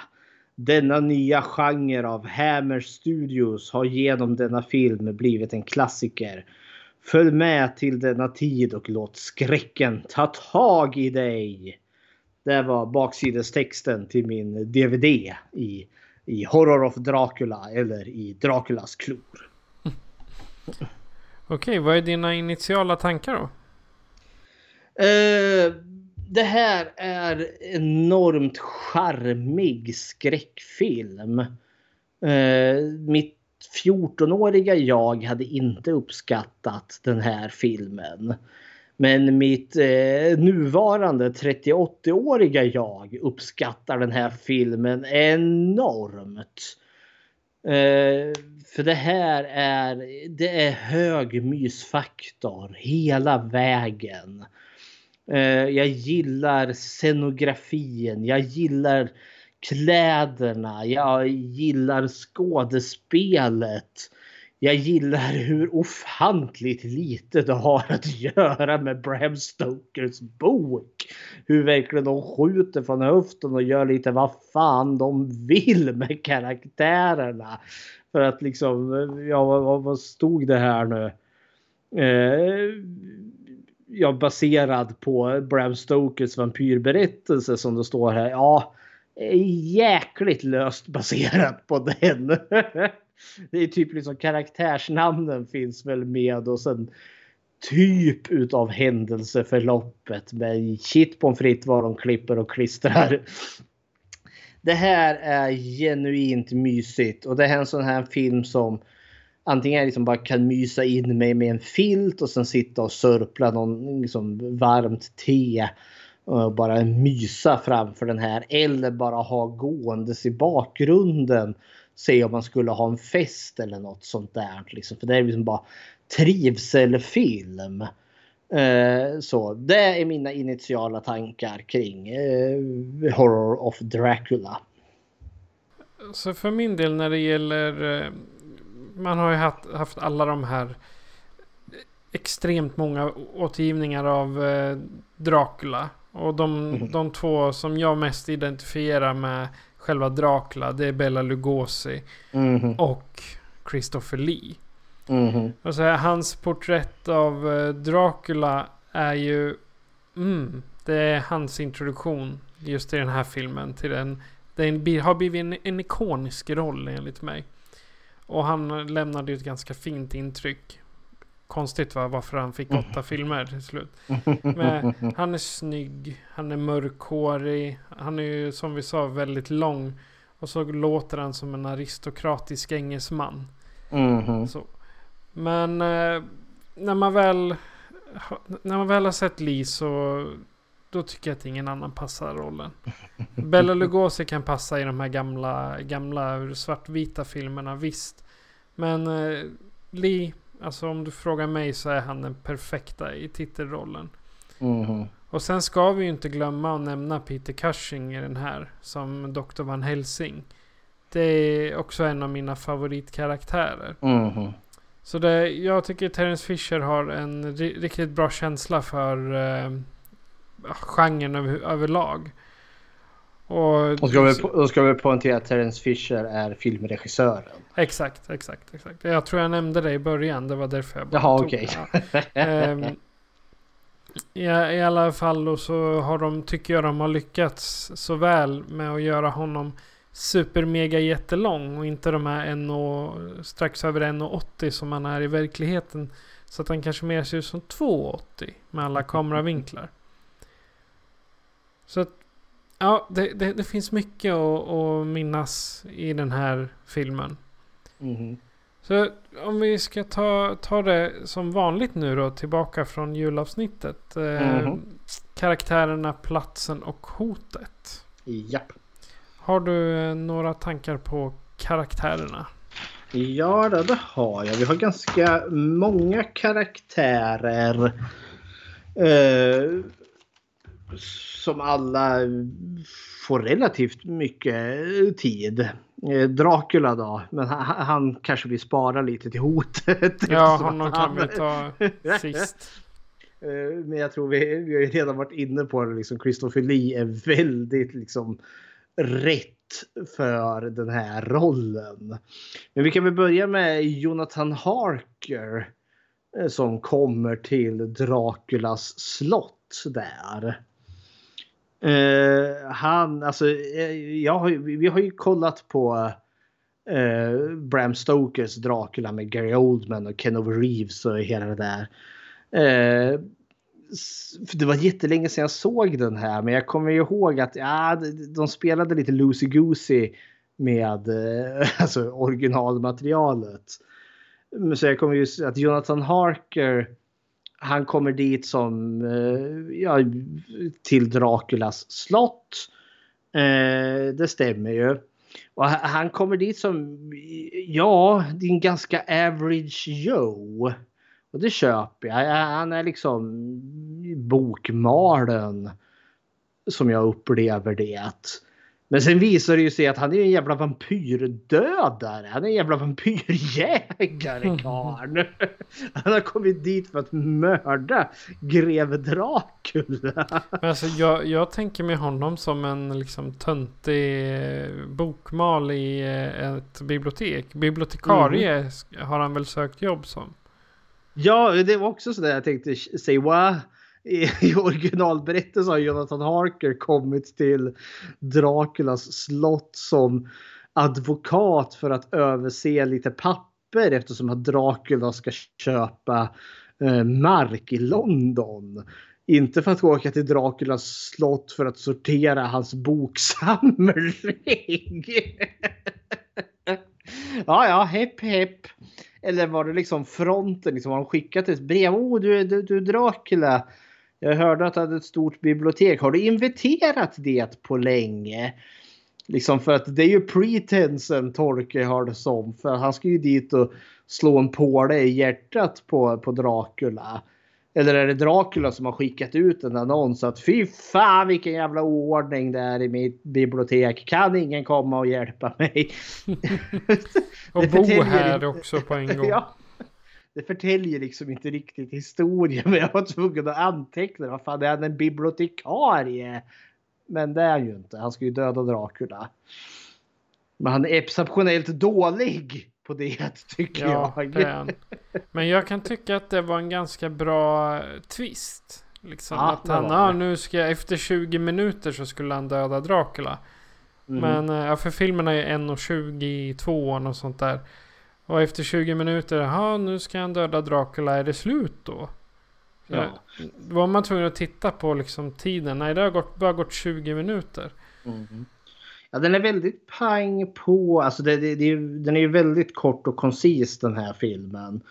Men det slog mig också att det var lite den här Jonathan Harker introduceras lite som våran eh, huvudperson. Och sen 20 minuter in i filmen så, så dör han. Eh, det, det, var lite lite så här vibbar innan Psycho. Du vet när eh, han låter eh, Hitchcock lät, vad heter hon nu? Karaktären heter Marion Crane men jag kommer inte alls ihåg vad skådespelerskan heter. Ja, hon får leva liksom halva filmen innan hon tar den där ödesmättade duschen. Och att det där var också chockerande. Men vadå? Avlivar han huvudpersonen? Liksom halvvägs in i filmen? Det har vi inte hört. Och här lite sådana vibbar. Den här är ändå så gjord 58, liksom två år innan. Ish. Men för att vara här, Jonathan Harker är vampyrjägare här. Vi förstår, det får vi reda på sen att han är eh, vad heter det, mm, typ lärjunge till Van Helsing. Och för att ha kommit så långt så att han bokstavligen är i greve Draculas slott. Eh, med då just liksom planen att ta livet av Dracula. Är han ju så in i bängen jäkla oförberedd på Dracula. Känns det som. Alltså har inte, har inte han studerat, liksom planerat liksom nu äntligen? För det känns ju det, ja, det går åt helvete med att ta livet av Dracula. För det, Dracula har ju en, en, en brud. Det finns en kvinna, Draculas brudar brukar ju vara en sån här grej. De här tre kvinnorna som finns i hans slott. Mm. Hon heter, skådespelerskan heter Valerie Gaunt. Som spelar ja. henne. Och hon här... har ingen namn, hon heter bara Vampire Woman. Ja. Listan. Mm -hmm. Och han blir ju typ lurad av henne. Eh, för hon sitter och gråter där. Oh, Dracula håller mig fången här. Det är så hemskt och han ska hjälpa henne. Och så visar det sig att hon tänker ju bara bita han i halsen, vilket hon också gör. Och då kommer Dracula inspringandes där fräsandes hejvilt. Med blod kring läpparna och sen de här blodsprängda ögonen. Det tyckte jag var ganska coolt. Och så tar han, tar några rejäla kliv och sen bara framme vid henne och bara pimpsläpar henne ganska ögonabums där då till lydnad. Kära värld. Eh, och sen försöker Jonathan Harker brottas lite med Dracula men det är ju dödsdömt för Dracula är väl stark som aldrig förr. Eh, jag menar Dracula är Dracula. Han är, han är som han är. Eh, och sen ska han ta livet av Dracula natten efter. Efter hitta hittar Dracula i kryptan. Men istället för att köra på den i Dracula så hittar han ju hon vampyrkvinnan ligger ju i, liksom i kistan bredvid. Så han väljer att slå på den i henne först. Och hon skriker och då vaknar Dracula. så liksom... Mm, prioritet. Ta kanske den största och farligaste av dem först. Men ja, nej, nej. Nej, Van Helsing skickade inte den vassaste kniven eller den vassaste pålen i, i lådan här. Nej, tygskynket. Ja. Nej men jag vet inte. Han, han, Jonathan Harker den här är ju kul liksom på det sättet att som säger han, han upplevs liksom som den här eh, bokmalstönten och så visar han ju sig att han är vampyrjägare. Men han är ju typ den sämsta vampyrjägaren som någonsin har gått i ett par skor. Så hepp. Vilken karaktär ska vi ta härnäst då? Eh, Dr. van Helsing tycker jag. Han är ja. väldigt central. Det är ju Peter Cushings. Det är ju det. Vad tycker du om honom? Det här är en väldigt trivsam, alltså Dr. Van Helsing. För det är också precis som Dracula så är ju Van Helsing en sån här återkommande karaktär. För han är ju typ med i nästan alla Dracula-filmatiseringar. Och jag menar, han kan ju, har ju porträtterats på många olika sätt. Som i Bram Stokers eh, med Anthony Hopkins. Så är han ju ett väldigt okänsligt arsel eh, mer eller mindre liksom psykotisk nästan, otrevlig och manipulativ. Eh, men här är han ju, Peter Cushing spelar honom som en väldigt trivsam gentleman. Som en vetenskapsman som är ute liksom och utforskar okänt territorium.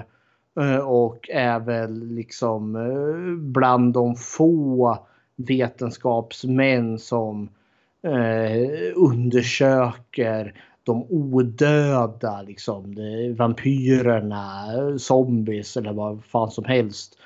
Men är liksom utskrattad säkerligen är den bild jag får. Men han, han är väldigt sympatisk. Han är väldigt logisk. Han är väldigt lågaffektiv i typ allt han gör. Men han, han är extremt trivsam och liksom smart känns den här karaktären. För han, han kommer ju liksom när Lucy sen dör och blir vampyr. Hur han liksom bemöter eh, Mina och eh, Arthur. Uh, han liksom blurtar ju inte bara ut att haha nu är Lucy vampyr, vi måste hugga huvudet av henne som typ Van Helsing gör i, i Bram Stokers Dracula. Utan han, han är mer finkänslig. Alltså, de målar upp honom som en väldigt kompetent man som är ute på nya och outforskade territorium. Uh, just med att uh, förstå sig på hur vampyrer fungerar. Ja, det var min jättelånga harang om eh, Van Helsing. Som då självklart får mer plus bara för att det är Peter Cushing som spelar Van Helsing. Vad tyckte du om Van Helsing? Van Helsing är min favoritkaraktär eh, näst efter eh, Dracula. För mm. i, i, den här, i den här filmen så hejar jag faktiskt på ondingen. Det är liksom Dracula all the way. Jag tycker de andra är så inkompetenta vampyrmördare att det, jag håller mig till Dracula. Liksom jag, jag, jag vill stå på hans sida om det skulle bli en eh, showdown här. Liksom. Men eh, Van Helsing, hans eh, karaktär är... Det är som, som, som grann, eh, grann, grannmannen, alltså grannen. Man går till honom, har intelligenta diskussioner om vampyrer och övernaturligt liv och så dricker man en kopp kaffe. Och man lyssnar på hans eh, babbel om eh, historia och ondska och hit och dit. Och sen går man hem. Det är en sån här Ja men han, han, eh, han förklarar vad det innebär. Han, jag tror aldrig han säger rakt ut att de är vampyrer. Eller har de, han säger väl det? Jo han säger det på slutet. Mm. Att det är vampyrism det rör sig om. Mm. Och så är han ju ganska duktig på att hantera lilla tjejen när hon kommer i sin panik. Eh, Tanja. Ja, precis. Där mot, mot slutet när hon bara undrar vart hennes... Jag vet inte, var det mo moster eller faster eller någonting? Ja, moster måste det vara. Mors Ja. Ja. Ja, precis. Ja. När- När Lucy har blivit vampyr och försöker äta upp henne. Ja, exakt. Och hon kommer och har halvt panik och då hanterar han henne ganska bra. Mhm. Jag menar, hade det varit vem som helst annars då hade det bara smält och sen gått till ditt rum. Mhm. Ja, och sen då har vi ju de här familjemedlemmarna. Jag tänkte de kanske man kan slå ihop. Eh, Arthur, Mina och Lucy. De är ju, det är ju mamma, pappa, barn. Nej, vad är det? Mina och Lucy är väl systrar? Ja, just det, där de ja. Ja, och Arthur är ju make till, till, till eh, Mina. För jag var också lite för, för jag trodde den här flickan, Tanja, att det var Arthur och Minas dotter. Men jag förstod det sen som att eh, hon var eh, vad heter det, hembiträdet eh, Gördas Ja. dotter. Så hepp hepp. Eh, Olga Dickey heter skådespelaren Gerda. jag måste ju, för jag kände igen han som spelade Arthur så jäkla mycket här. Eh, och han, den skådespelaren heter ju Michael Goff. Eh, om man nu talar det rätt.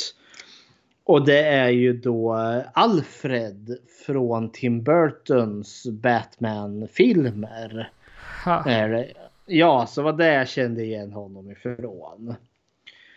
Eh, jag, jag börjar med honom. Alltså han känns som en sån här... Han kändes nästan lite malplacerad kände jag. För det känns som att det här är en skådespelare som ska spela Hamlet på en teater. Istället så spelar du ju den här lite halvtrashiga skräckfilmen istället. För jag känner lite att han spelar, för han spelar ut väldigt stora känslor på ett väldigt eh, te, vad heter det, teatermässigt, teatralt sätt. Teatra teatraliskt. Teatraliskt sätt, ja. Även om han, han är inte högljudd, men han liksom gestikulerar med armarna istället. Liksom som. Ja, han, han spelar liksom ett ganska mycket med kroppen och samtidigt tycker jag att han är liksom ganska stoneface under hela filmen. Men eh, sak samma. Eh, för han, han, han får vara lite mer actionhjälte närmare slutet när de jagar Dracula eh, tillbaka till slottet där. Så nej men det, det var kul. Men han ska väl vara liksom the straight man.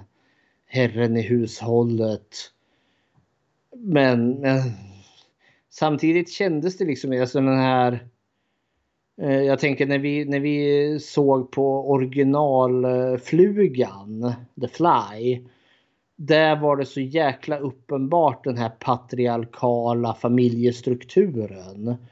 Och det finns ju med här också i den här filmen. Men det var inte så påtagligt för jag tycker att hon som är Mina, frun i huset. Melissa Stribling.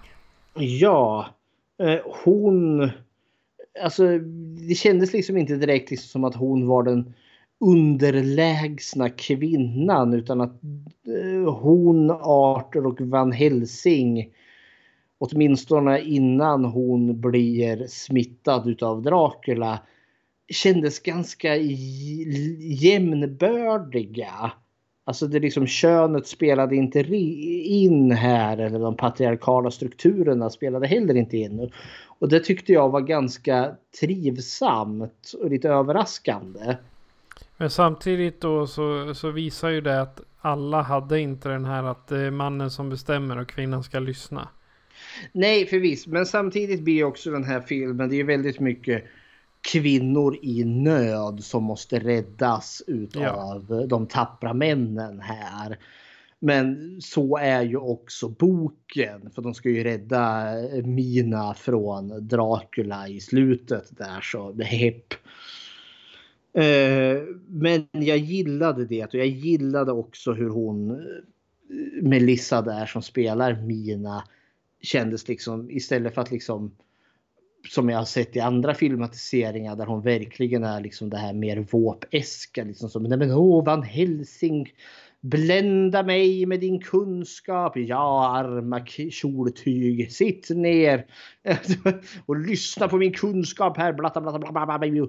Utan jag känner liksom att hon fick ha egen agenda liksom och att hennes tyckanden och tänkanden betydde någonting. Sen var väl Lucy däremot som då faller offer för Dracula. Hon var väl eh, sängliggande i stort sett hela, hela filmen. Ja, dels det. Och det så, känns hon så betydligt mycket yngre eh, än, än Mina. Eh, och... Eh, för där kändes det, för hon var ju verkligen mycket mer liksom den här villiga, alltså hon, när vi får se henne första gången är hon ju sängliggandes för att hon har blivit biten av Dracula. Han kommer ju till henne om nätterna och tömmer henne sakta men säkert på blod. Eh, och eh, för jag satt och tänkte, för hon för hon porträtterar liksom mer liksom, oh, hon öppnar dörren och så lägger hon sig i sängen där. Och så ser hon lite förväntansfull och eh, rädd ut. Medan hon sitter där och väntar på att Dracula ska dyka upp. Uh, och jag tänker... Jag kunde inte, för det blir lite nästan lite samma sak när Mina sen har blivit biten av Dracula. Uh, att uh, mina tankar gick till något form av missbruk. Alltså att säga att Dracula får bli en allegori för droger eller alkohol. Ja, liksom, för hon är ju självdestruktiv på det sättet att Van Helsing sätter ju upp alla de här vitlöksblommorna som håller Dracula på avstånd. Och hon vill nej hon tar bort dem, tar bort allihopa liksom, för hon står inte ut. Hon ligger och vrider och vänder sig i sängen där. Och det resulterar ju att Dracula kommer ju in och eh, dödar henne. Men är det inte så att hon eh, helt enkelt har blivit beroende utav att Dracula ska komma? Ja men det är det jag tänker, för det finns ju någon sån dragningskraft och jag vet inte om Bram, Bram Stoker också kanske var lite inne på det här. Eh, just det här, alltså att det är ett missbruk och det, jag kunde inte låta bli att tänka att det var lite Alltså det, det, är en av de här i, i Dracula-berättelsen som är lite o, alltså genuint otäck. Eh, just det där, dels att det tar tid innan du blir vampyr. Han tömmer dig sakta men säkert. Men just den här att du förlorar dig själv. Alltså Lucy har liksom stunder då hon är sig själv.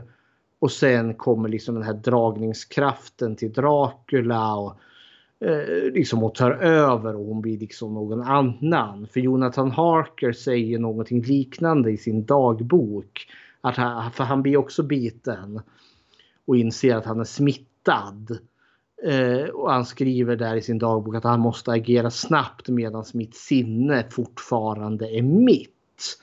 Och det är ju lite läskigt ändå. Liksom just det här. Det, det är inte liksom bara att du dör utan att du förlorar ju Eh, alltså det som är du, din personlighet. Din mänsklighet kan man ju säga. Ja, och då, då är det väl liksom, då blir ju Dracula en lätt allegori för just missbruk av vilket slag som helst. Att det kommer in en substans i ditt liv. Eh, inte vad vet jag, droger, eh, porr, dataspel, liksom vad som helst. Och liksom omgivningen kan bara liksom stå och se på medan du liksom går sönder i, i någonting. Så där är väl, var väl åtminstone Bram Stoker någonting på spåren och jag tyckte liksom att det fanns lite stråk av det även i den här filmatiseringen. Så, nej men eh, av de här tre karaktärerna, Arthur, eh, Mina och Lucy, så tycker jag de var väldigt väl och jag gillade alltså Lucy när hon väl har dött och blivit vampyr. När hon försöker locka till sig den här flickan Gerda. Nej, Tanja hette hon. Uh, jag tyckte det faktiskt var obehagligt. Det är alltid obehagligt när det, in, när det innefattar barn. Ja, jag vet inte. Just skådespelerska gjorde det på ett ganska bra sätt här också. Jag tycker att Eh. barnet som eh, spelade Tanja gjorde det väldigt bra också. Ja, det som, vi, som vi har sagt innan så är ju barnskådespelare en, alltid en risk att ta. Ja. Uh, Jaina Fey som hon heter. eh, kunde spela det här väldigt bra som en, hur gammal kan hon ha varit? 10, 11 eller något sånt där när hon spelar den här rollen. Hon ska ju ändå spela en yngre flicka egentligen. Nej men liksom hon gör det väldigt bra som det här naiva barnet som lockas ut i skogen utav hennes moster. Som nu är en vampyr som är ute efter henne. Hon var 10 år när de spelade in det. det. Hon är född 1948. För jag har ju läst boken eh, utav Brams eh, Dracula där då. Eh, och där kommer jag ihåg att det, eh, den biten är faktiskt den mest obehagliga i hela boken just när Lucy har blivit vampyr. För hon, eh, för hon i boken beskrivs hon som eh, damen i vitt. Eh, för det är flera barn i staden så det har rapporterats, alltså man hittar barn ute i skogen och nära kyrkogården eh, som har blivit då bitna, inte dödade men delvis tömda på blod. Och just att i, i, i boken så tävlar de här barnen med att vem ska leka med den vita damen härnäst. Och det är skitobehagligt för det är just liksom att eh, barnen far illa av henne. Men de kan inte låta bli. De till och med tävlar mot varandra över vem som ska få äran att följa med vita damen. Och det är det som är skitäckligt med liksom den här vampyrbiten just att liksom istället liksom för att bytesdjuret flyr från rovdjuret så är det att bytet självmant kommer till rovdjuret. Nu, nu var det här från boken men, eh, och i, i filmen har inte så mycket mer men visst Lucy är klädd i vitt och hon är ute efter Tanja. Men jag, jag tyckte att det var ganska obehagligt eh, när hon ändå spelade eh, vampyren. Så hepp hepp. Ja, sen har jag det utöver de rollerna nu så är det i stort sett bara biroller som eh, Ja. hembiträdet Gerda och sen ska vi väl ge en liten, eh, en liten shout-out till Miles Mason som spelar eh, den här eh, grindvakten, Ja. Marks. Vårat comic relief. Ja, det, han, är, han, är, han är kul. Det är typ Mm. eh, det enda, enda roliga. Det comic alltså. Ja. Men men, eh, platsen då. Vad tycker du om? eh, För jag anser att den här utspelar sig på två ställen. Dels i eh, eh, huset som Holmwoods bor i och dels i Draculas slott.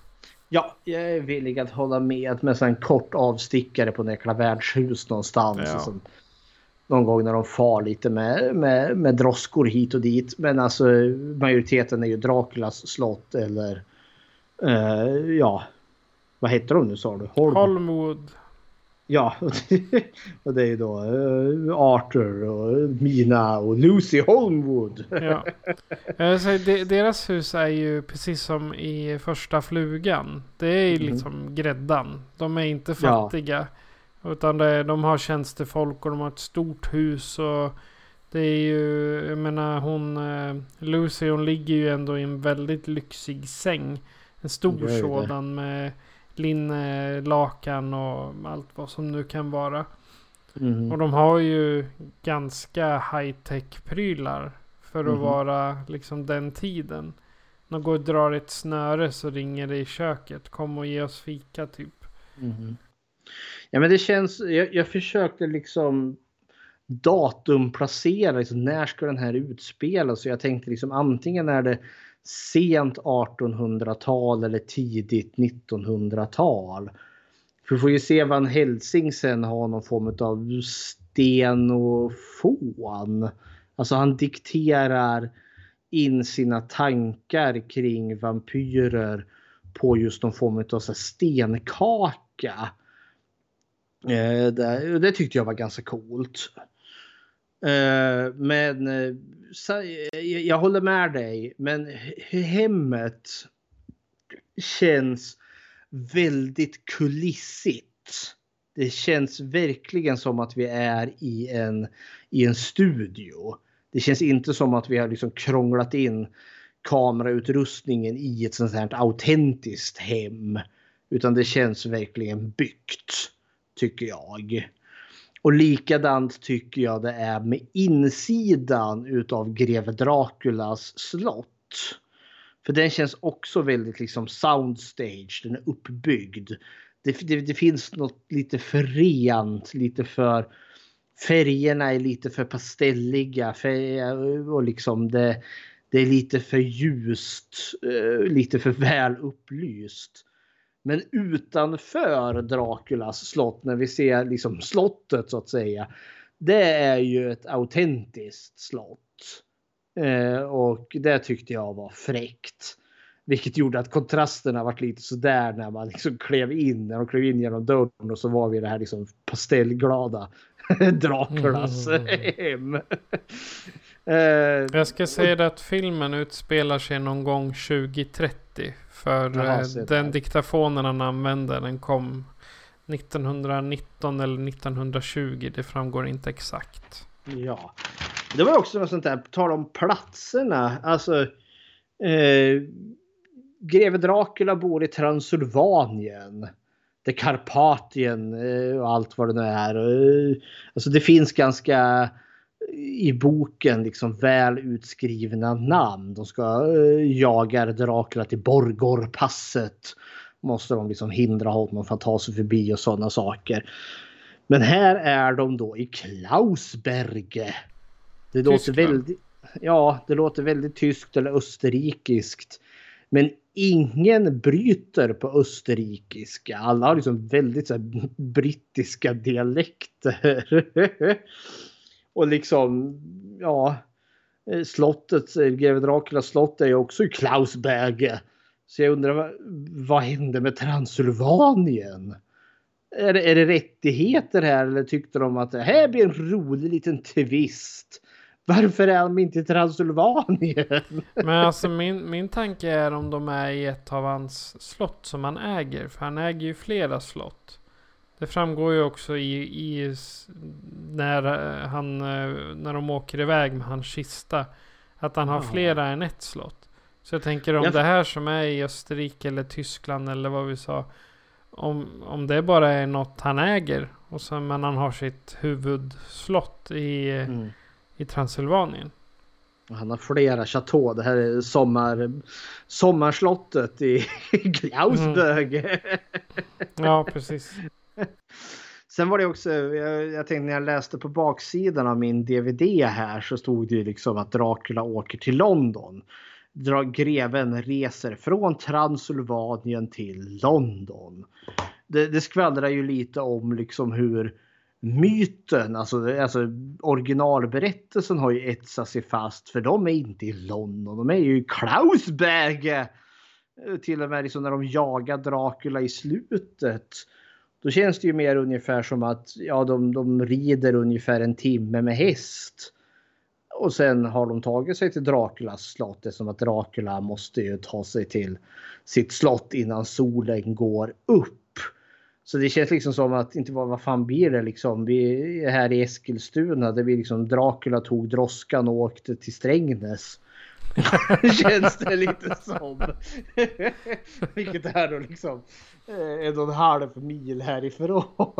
liksom hepp.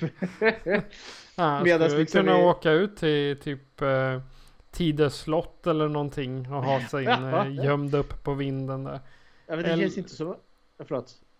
Nej, nej vad, vad fasen heter det? Det ligger vid Gripsholm. Det var ju fängelse. För eh, Erik Erik Vasa där. Ja, jaha, Ert-Erik där. Ja, precis. Gri Gripsholms slott. Så ah, ja. Där låste de ju in en utav dem. Ja. Ja men det känns som att här, han har rest så mycket kortare. För jag menar originalberättelsen så korsar han ju havet. I den här dödsdömda båten Dimiters resa där. Här känns det ju verkligen som att han har, tog, han har, han har tagit en dagsutflykt. Ja. Här är... Men det är ju en lättare variant än vad Bram Stokers ja, det är adaptioner. det. Det här är ju en... Ska jag säga, det, det är som att jämföra en serietidning och en bok. Ja, det är Typ det. så. Du har, de har gjort en serietidning av boken. Ja. Ungefär. Och den. här, och den här har mycket snabbare tempo än eh, Bram Stokers bok, vilket är jag tror jag nämnde det när vi snackade Dracula avsnittet att liksom den boken, första halvan, det är guld. Ack så spännande. Andra halvan, fy fan, man vill bara ta livet av sig. Det är så mördande tråkigt så det är inte klokt. den här har verkligen bara skalat av allt fett och bara liksom pang på. Nu jäklar är det Dracula här. Eh, för filmen är väldigt, den är ju kort och ganska koncis. Ett sånt här problem de här tidiga, alltså 50-talet, nu är det den här slutet på 50-talet, men eh, ta flugan som vi såg om vi ska jämföra. Nu tycker jag väldigt mycket om den filmen. Men det är jäkligt mycket dialog och väldigt lite monster action i den. Uh, och det var ganska typiskt för såna här alltså skräckfilmer från den här eran att det är jäkla mycket babbel och snack. Och sen kommer det lite monster action. Den här är så pass kort så att, liksom att visst det är lite snack men sen är det Dracula ganska snabbt tillbaka där och liksom fräser på Lucy där och sen är det Lucy som är ute och springer och jagar barn och sen är det, eh, är det Mina som är utsatt för Dracula och sen är det vild jakt efter Dracula och sen är det fight i slottet. Så där. Alltså den, den här håller inte riktigt det här 50-tals skräck Alltså farten, utan den här är jäkligt mycket snabbare upplever jag. Det händer saker hela tiden. Ja, och det tycker jag om med den här filmen. Det är liksom en light-variant utav själva Bram Stoker-adaptionen. Och Mhm. jag, jag tycker om den, men jag föredrar faktiskt den här rent tempomässigt. Och, och så är det de här The Comic Relief och hans finurliga kommentarer från Dracula. Och, ja. Ja, ja, det var, det var platserna. Men det så kallade hotet då? Vad tycker du om eh, Dracula i sig? Greve D, the Big D. Ja. nu kommer han här. Ja, det, det är ju en fröjd. Eh, alltså, när vi får se greve Dracula för första gången. Eh, det känns ju lite som att det är ju precis alltså som med, med Bela Lugosi när han introduceras för första gången. Eh, så möter han ju Jonathan Harker ståendes på trappan i, i, i, slottet i Transylvanien. Det känns som att det är något liknande här. För när han, Jonathan Harker han kommer ju till slottet och slottet är tomt och det, är- ingen är där. Och sen hör han någonting och så vänder han sig upp och så eh, får vi se längst upp på trappen där står Dracula i, i hela sin längd och härlighet. Med slängkappan som typ eh, svept kring han och liksom typ räcker ner till, ja, till fotknölarna på han. Ungefär. Jag känner, ja, jag känner liksom att oh, det, det, här är, det, det här är det klassiska Dracula. Nu Bela Lugosi hade ju det innan med slängkappan och allt. Alltså jag vet inte, det, det, med, med Christopher Lee så hamras det liksom bara in. Ja.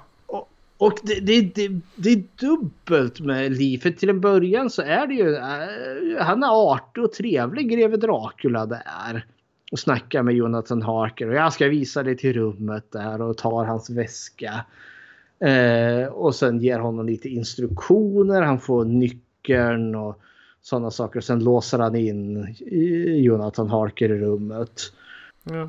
Jag, ber om, jag ber om ursäkt för, eh, för att jag inte har någon hjälp. Mitt uh, hembiträde är bortrest. Ja. Ja. Och, och, det, och, så är, och så är det ju från boken också. Men eh, och jag kände liksom, för där är ju lite mer den här liksom luriga, eh, liksom planerande Dracula. Man förstår ju liksom att någonting är i görningen här. Men efter det så är det ju verkligen bara spott och fräs Dracula. Sen alltså nästa gång vi får se eh, Christopher Lee det är ju liksom när han när hon vampyrkvinnan försöker bita eh, eller biter Jonathan Harker och så bara Dracula bara sparkar upp dörren och där står han med blod i käften och blodsprängda ögon och tar de här jättekliven och bara pimpsläpar henne till lydnad.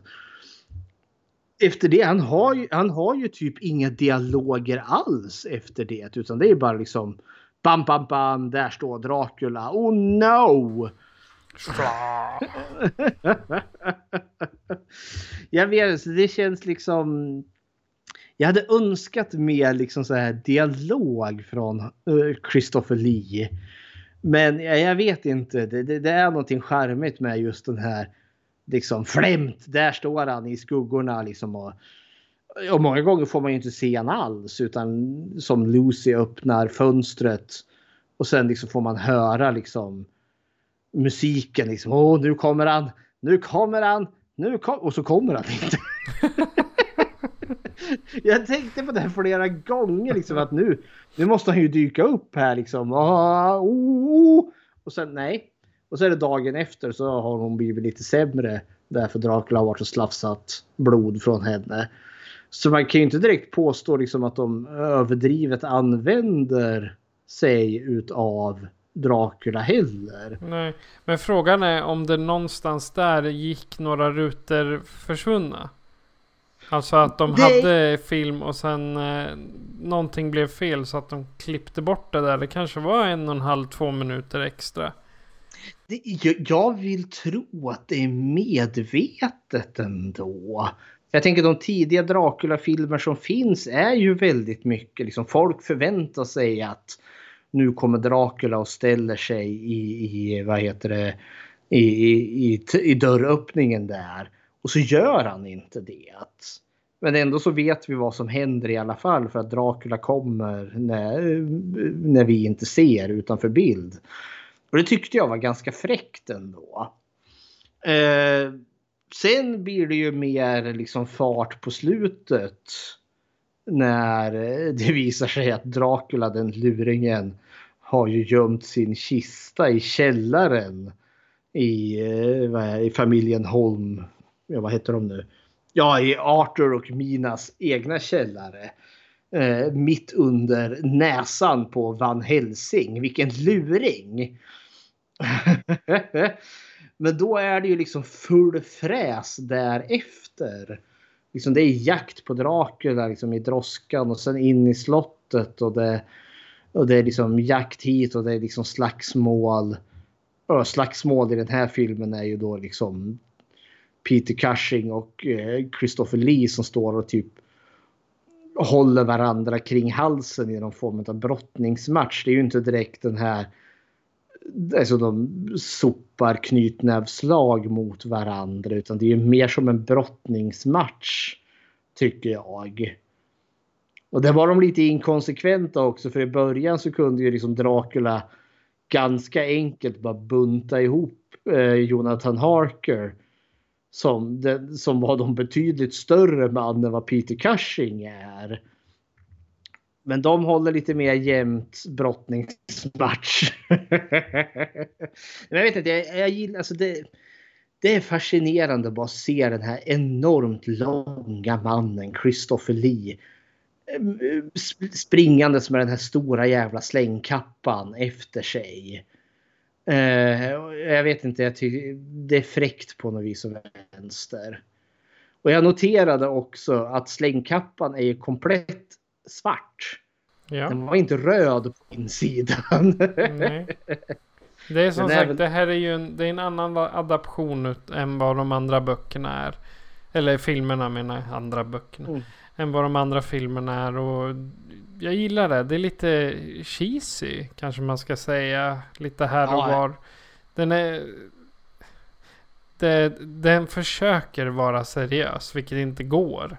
Nej. Inte med de här, den här typen av karaktärer och den här typen av händelser. Alltså den här filmen är cheesy. Den är lökig. Men på helt rätt sätt. Ja. Tycker jag. Och liksom, det här är inte high art någonstans. Nej, nej.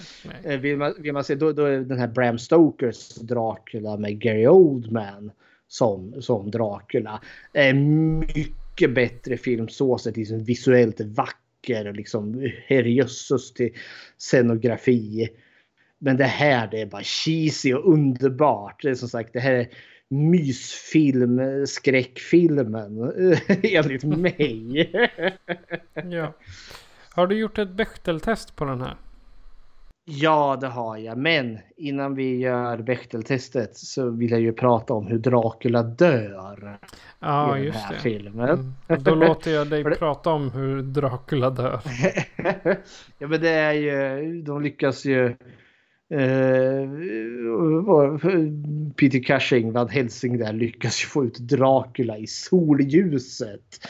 Och han smälter ju ihop där, eller smälter och smälter. Han torkar ihop. Han blir ju till aska, blir ett skelett där och sen bara blir han en liten askhög i slutändan. Han pulveriseras så att säga. Ja, det är fet fantastiskt. Tycker jag. Det är som först liksom som att första solstrålen träffar ju inte hela draken utan träffar väl hans ben. Typ ena foten blir till aska på mm. han. Mm. Så kan han inte komma där och sen liksom är det typ i handen som man sätter ut i skuggan så försvinner den då liksom och blir aska och sen är det resten av Dracula som faller ut i solen och så blir det bara en dammhög kvar av han. Ja. Jag tycker det är fantastiskt. och jag märker också att det här det blir lite ett signum av vad som komma skall sen. För liksom det, det här liksom är den stora specialeffektsscenen när Dracula liksom blir till aska. Och jag känner att det de tidigare alltså universalskräckfilmerna de kunde inte ens visa det här alltså så här grafiskt. Jag menar den första Dracula från 31. Där blir ju Dracula, får ju han en påle i hjärtat när han ligger i kistan. Och det händer utanför bild. Det får vi inte ens se ens en gång. Alltså så lite kunde man visa på den tiden. Så det här är ju liksom nu nästan 30 år senare så är det ju här liksom en spektakulär avslutning av gamla greve Dracula där. Helt klart. Bechteltestet då. Om kvinnlig representation i skräckfilm eller i film överlag. Eh, och vi för ju en tes här att skräck är den genre som är bäst att fylla de här kraven. Eh, och frågorna är ju då tre. Finns det två namngivna kvinnor? Möter de någonsin varandra? Och om de gör det pratar de om någonting annat än män. Och då tar vi våra kvinnliga karaktärer. Vi har ju Mina. Vi har Lucy. Vi har Gerda. Eh, vi har Tanja. Och så har vi också Helga, barflickan. Det är ganska eh, gott om kvinnliga karaktärer. Det är ju det. Trots det så har vi också en icke namngiven kvinnlig karaktär. Hon vampyrkvinnan. Så hepp. Ja, hon är ju namngiven Men, Vampire Woman eller något sånt Ja, där, fast det är inte ett namn. Det är ju bara en titel. Alltså, hon skulle, hade hon hetat Veronica the Vampire Woman. Ja, då hade hade hon fått räknas med. Men nu heter hon inte det utan nu heter hon verkligen bara Vampyrkvinnan. Vilka karaktärer träffar varandra då? Jo, eh, Mina träffar ju Lucy. Eh, Mina träffar också Tanja. Lucy träffar Tanja. Gerda träffar Tanja. Och Gerda träffar Mina. Eh, så alla våra namngivna karaktärer med undantag från Helga, barnfl barflickan, träffar varandra. Eh, Mina och Lucy pratar väldigt mycket om Jonathan Harker eller eh, Van Helsing så det har varit lite lurigt. Men eh, sen har vi ju när Lucy och Tanja möts Eh, Eh, så eh, är det ju, försöker hon locka ut henne i, i till kyrkogården. Eh, och då pratar de om, liksom om ja, men vi ska leka lekar och vi ska göra saker. Då pratar de om inte några män. Och likadant eh, när eh, vad heter det, Gerda pratar med Lucy om alla dessa eh, vitlöksblommor som finns att få, ja, få henne att ta ut liksom blommorna. Då pratar de ju heller inte om någon man. Så Horror of Dracula eller i Draculas klor klarar alla tre frågor så den får klarar Bechteltestet. Yay! Yay! Okej. Okay. Har du några sista tankar om den här filmen? Nej, alltså det här är uh, mysskräck för mig. Jag tycker det här är fantastiskt. Det är liksom... Det, det är cheesy, ganska ostigt, men har liksom gotisk skräck. Det är Christopher Lee, det är Peter Cushing, det är Hammer horrorfilm. Det är liksom bara mums för mig. Så det här liksom är eh, Eh, mycket underhållande film. Men alltså det är ju inte ens, alltså det är ju inte på den här banan som typ Hajen eller The Babadook eller Exorcisten. Så här herrejösses bra filmer. Men det här är liksom en sån här trivselskräckfilm som jag lätt gärna liksom kan eh, återvända och mysa till. Så det är mina eh, sammanfattande ord. Okej, okay, jag skulle säga att de bästa delarna i filmen är när Dracula är med. Mm. Sen eh, som vi har sagt så tyvärr får ju Lee inte särskilt mycket dialog.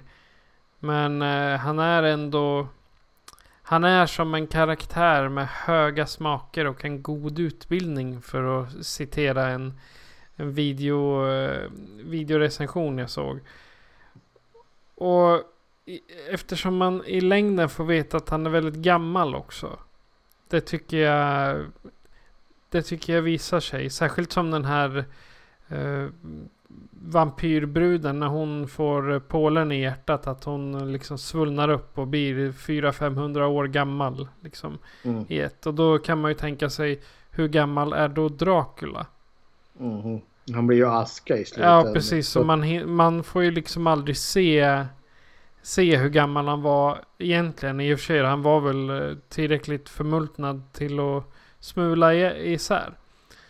Men jag skulle säga att eh, oavsett om det, det, finns brister i den här filmen så är det fortfarande visuellt intressant. Och det är en ganska bra introduktion för den som vill se skräck.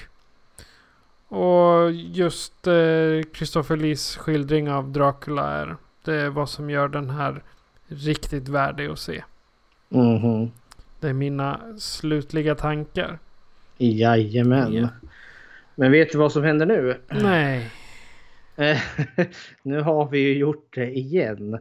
Eh, när vi påbörjar något som har eh, uppföljare eller en franchise så borde vi försöka slutföra det. Och vi har ju påbörjat en hel hög av dem och ännu inte slutfört dem. Vi har ju Ringu och eh, Evil Dead-filmerna och eh, våran Howling som jag hoppas att vi aldrig kommer att återvända till. som var bra absolut tidigaste. Men här är ju faktiskt mer Christopher Lee som Dracula finns ju att hämta. Och vi utlyser nu 2021 till the year of Dracula. Så vi kommer att återvända under året här har vi lovat varandra. Vi ska försöka avhandla alla Christopher Lees Dracula-filmer. Det vill säga under... sju stycken till. Ja, eller mer. Vi är lite osäkra här. det blir till att googla. Ja, men det blir lite här i framöver. Lite mini-episoder. Dels är det också för att vi vill ha om det tjorvar till sig för oss så att vi liksom snabbt kan bara liksom göra en liten filmepisod. Eh, eller något sånt där. Liksom. Ja, Full vi, disclosure här. Exakt, vi vill ju inte att de ska vara utan våra vackra röster. Ja. Eller om vi kanske vill göra något mer med, säg kanske film till fikat så kan vi dra med dem i en eh, i ett Dracula-avsnitt. Det vore väl något. Eller om man har lite andra gäster. Men vi måste ju slutföra Carnosaur också. Det är också en franchise vi har påbörjat. Åh oh, gode gud. Ja. ja. Men om du som eh, lyssnare då har en åsikt om eh, Dracula, eh, vampyrer eller eh, tycker att vi eh, borde prata om något annat. Så kan du göra så här för att kontakta oss. Skräckfilmscirkeln presenteras av Patrik Norén och Fredrik Rosengren. Patrik är producent. Besök oss på skräckfilmscirkeln.com för att se var du kan lyssna på oss, hur du kan kontakta oss och hur du kan stödja oss. Om du vill diskutera filmerna är du välkommen att gå med i vår grupp på Facebook som heter Skräckfilmscirkeln Eftersnack. Tack för att du lyssnar!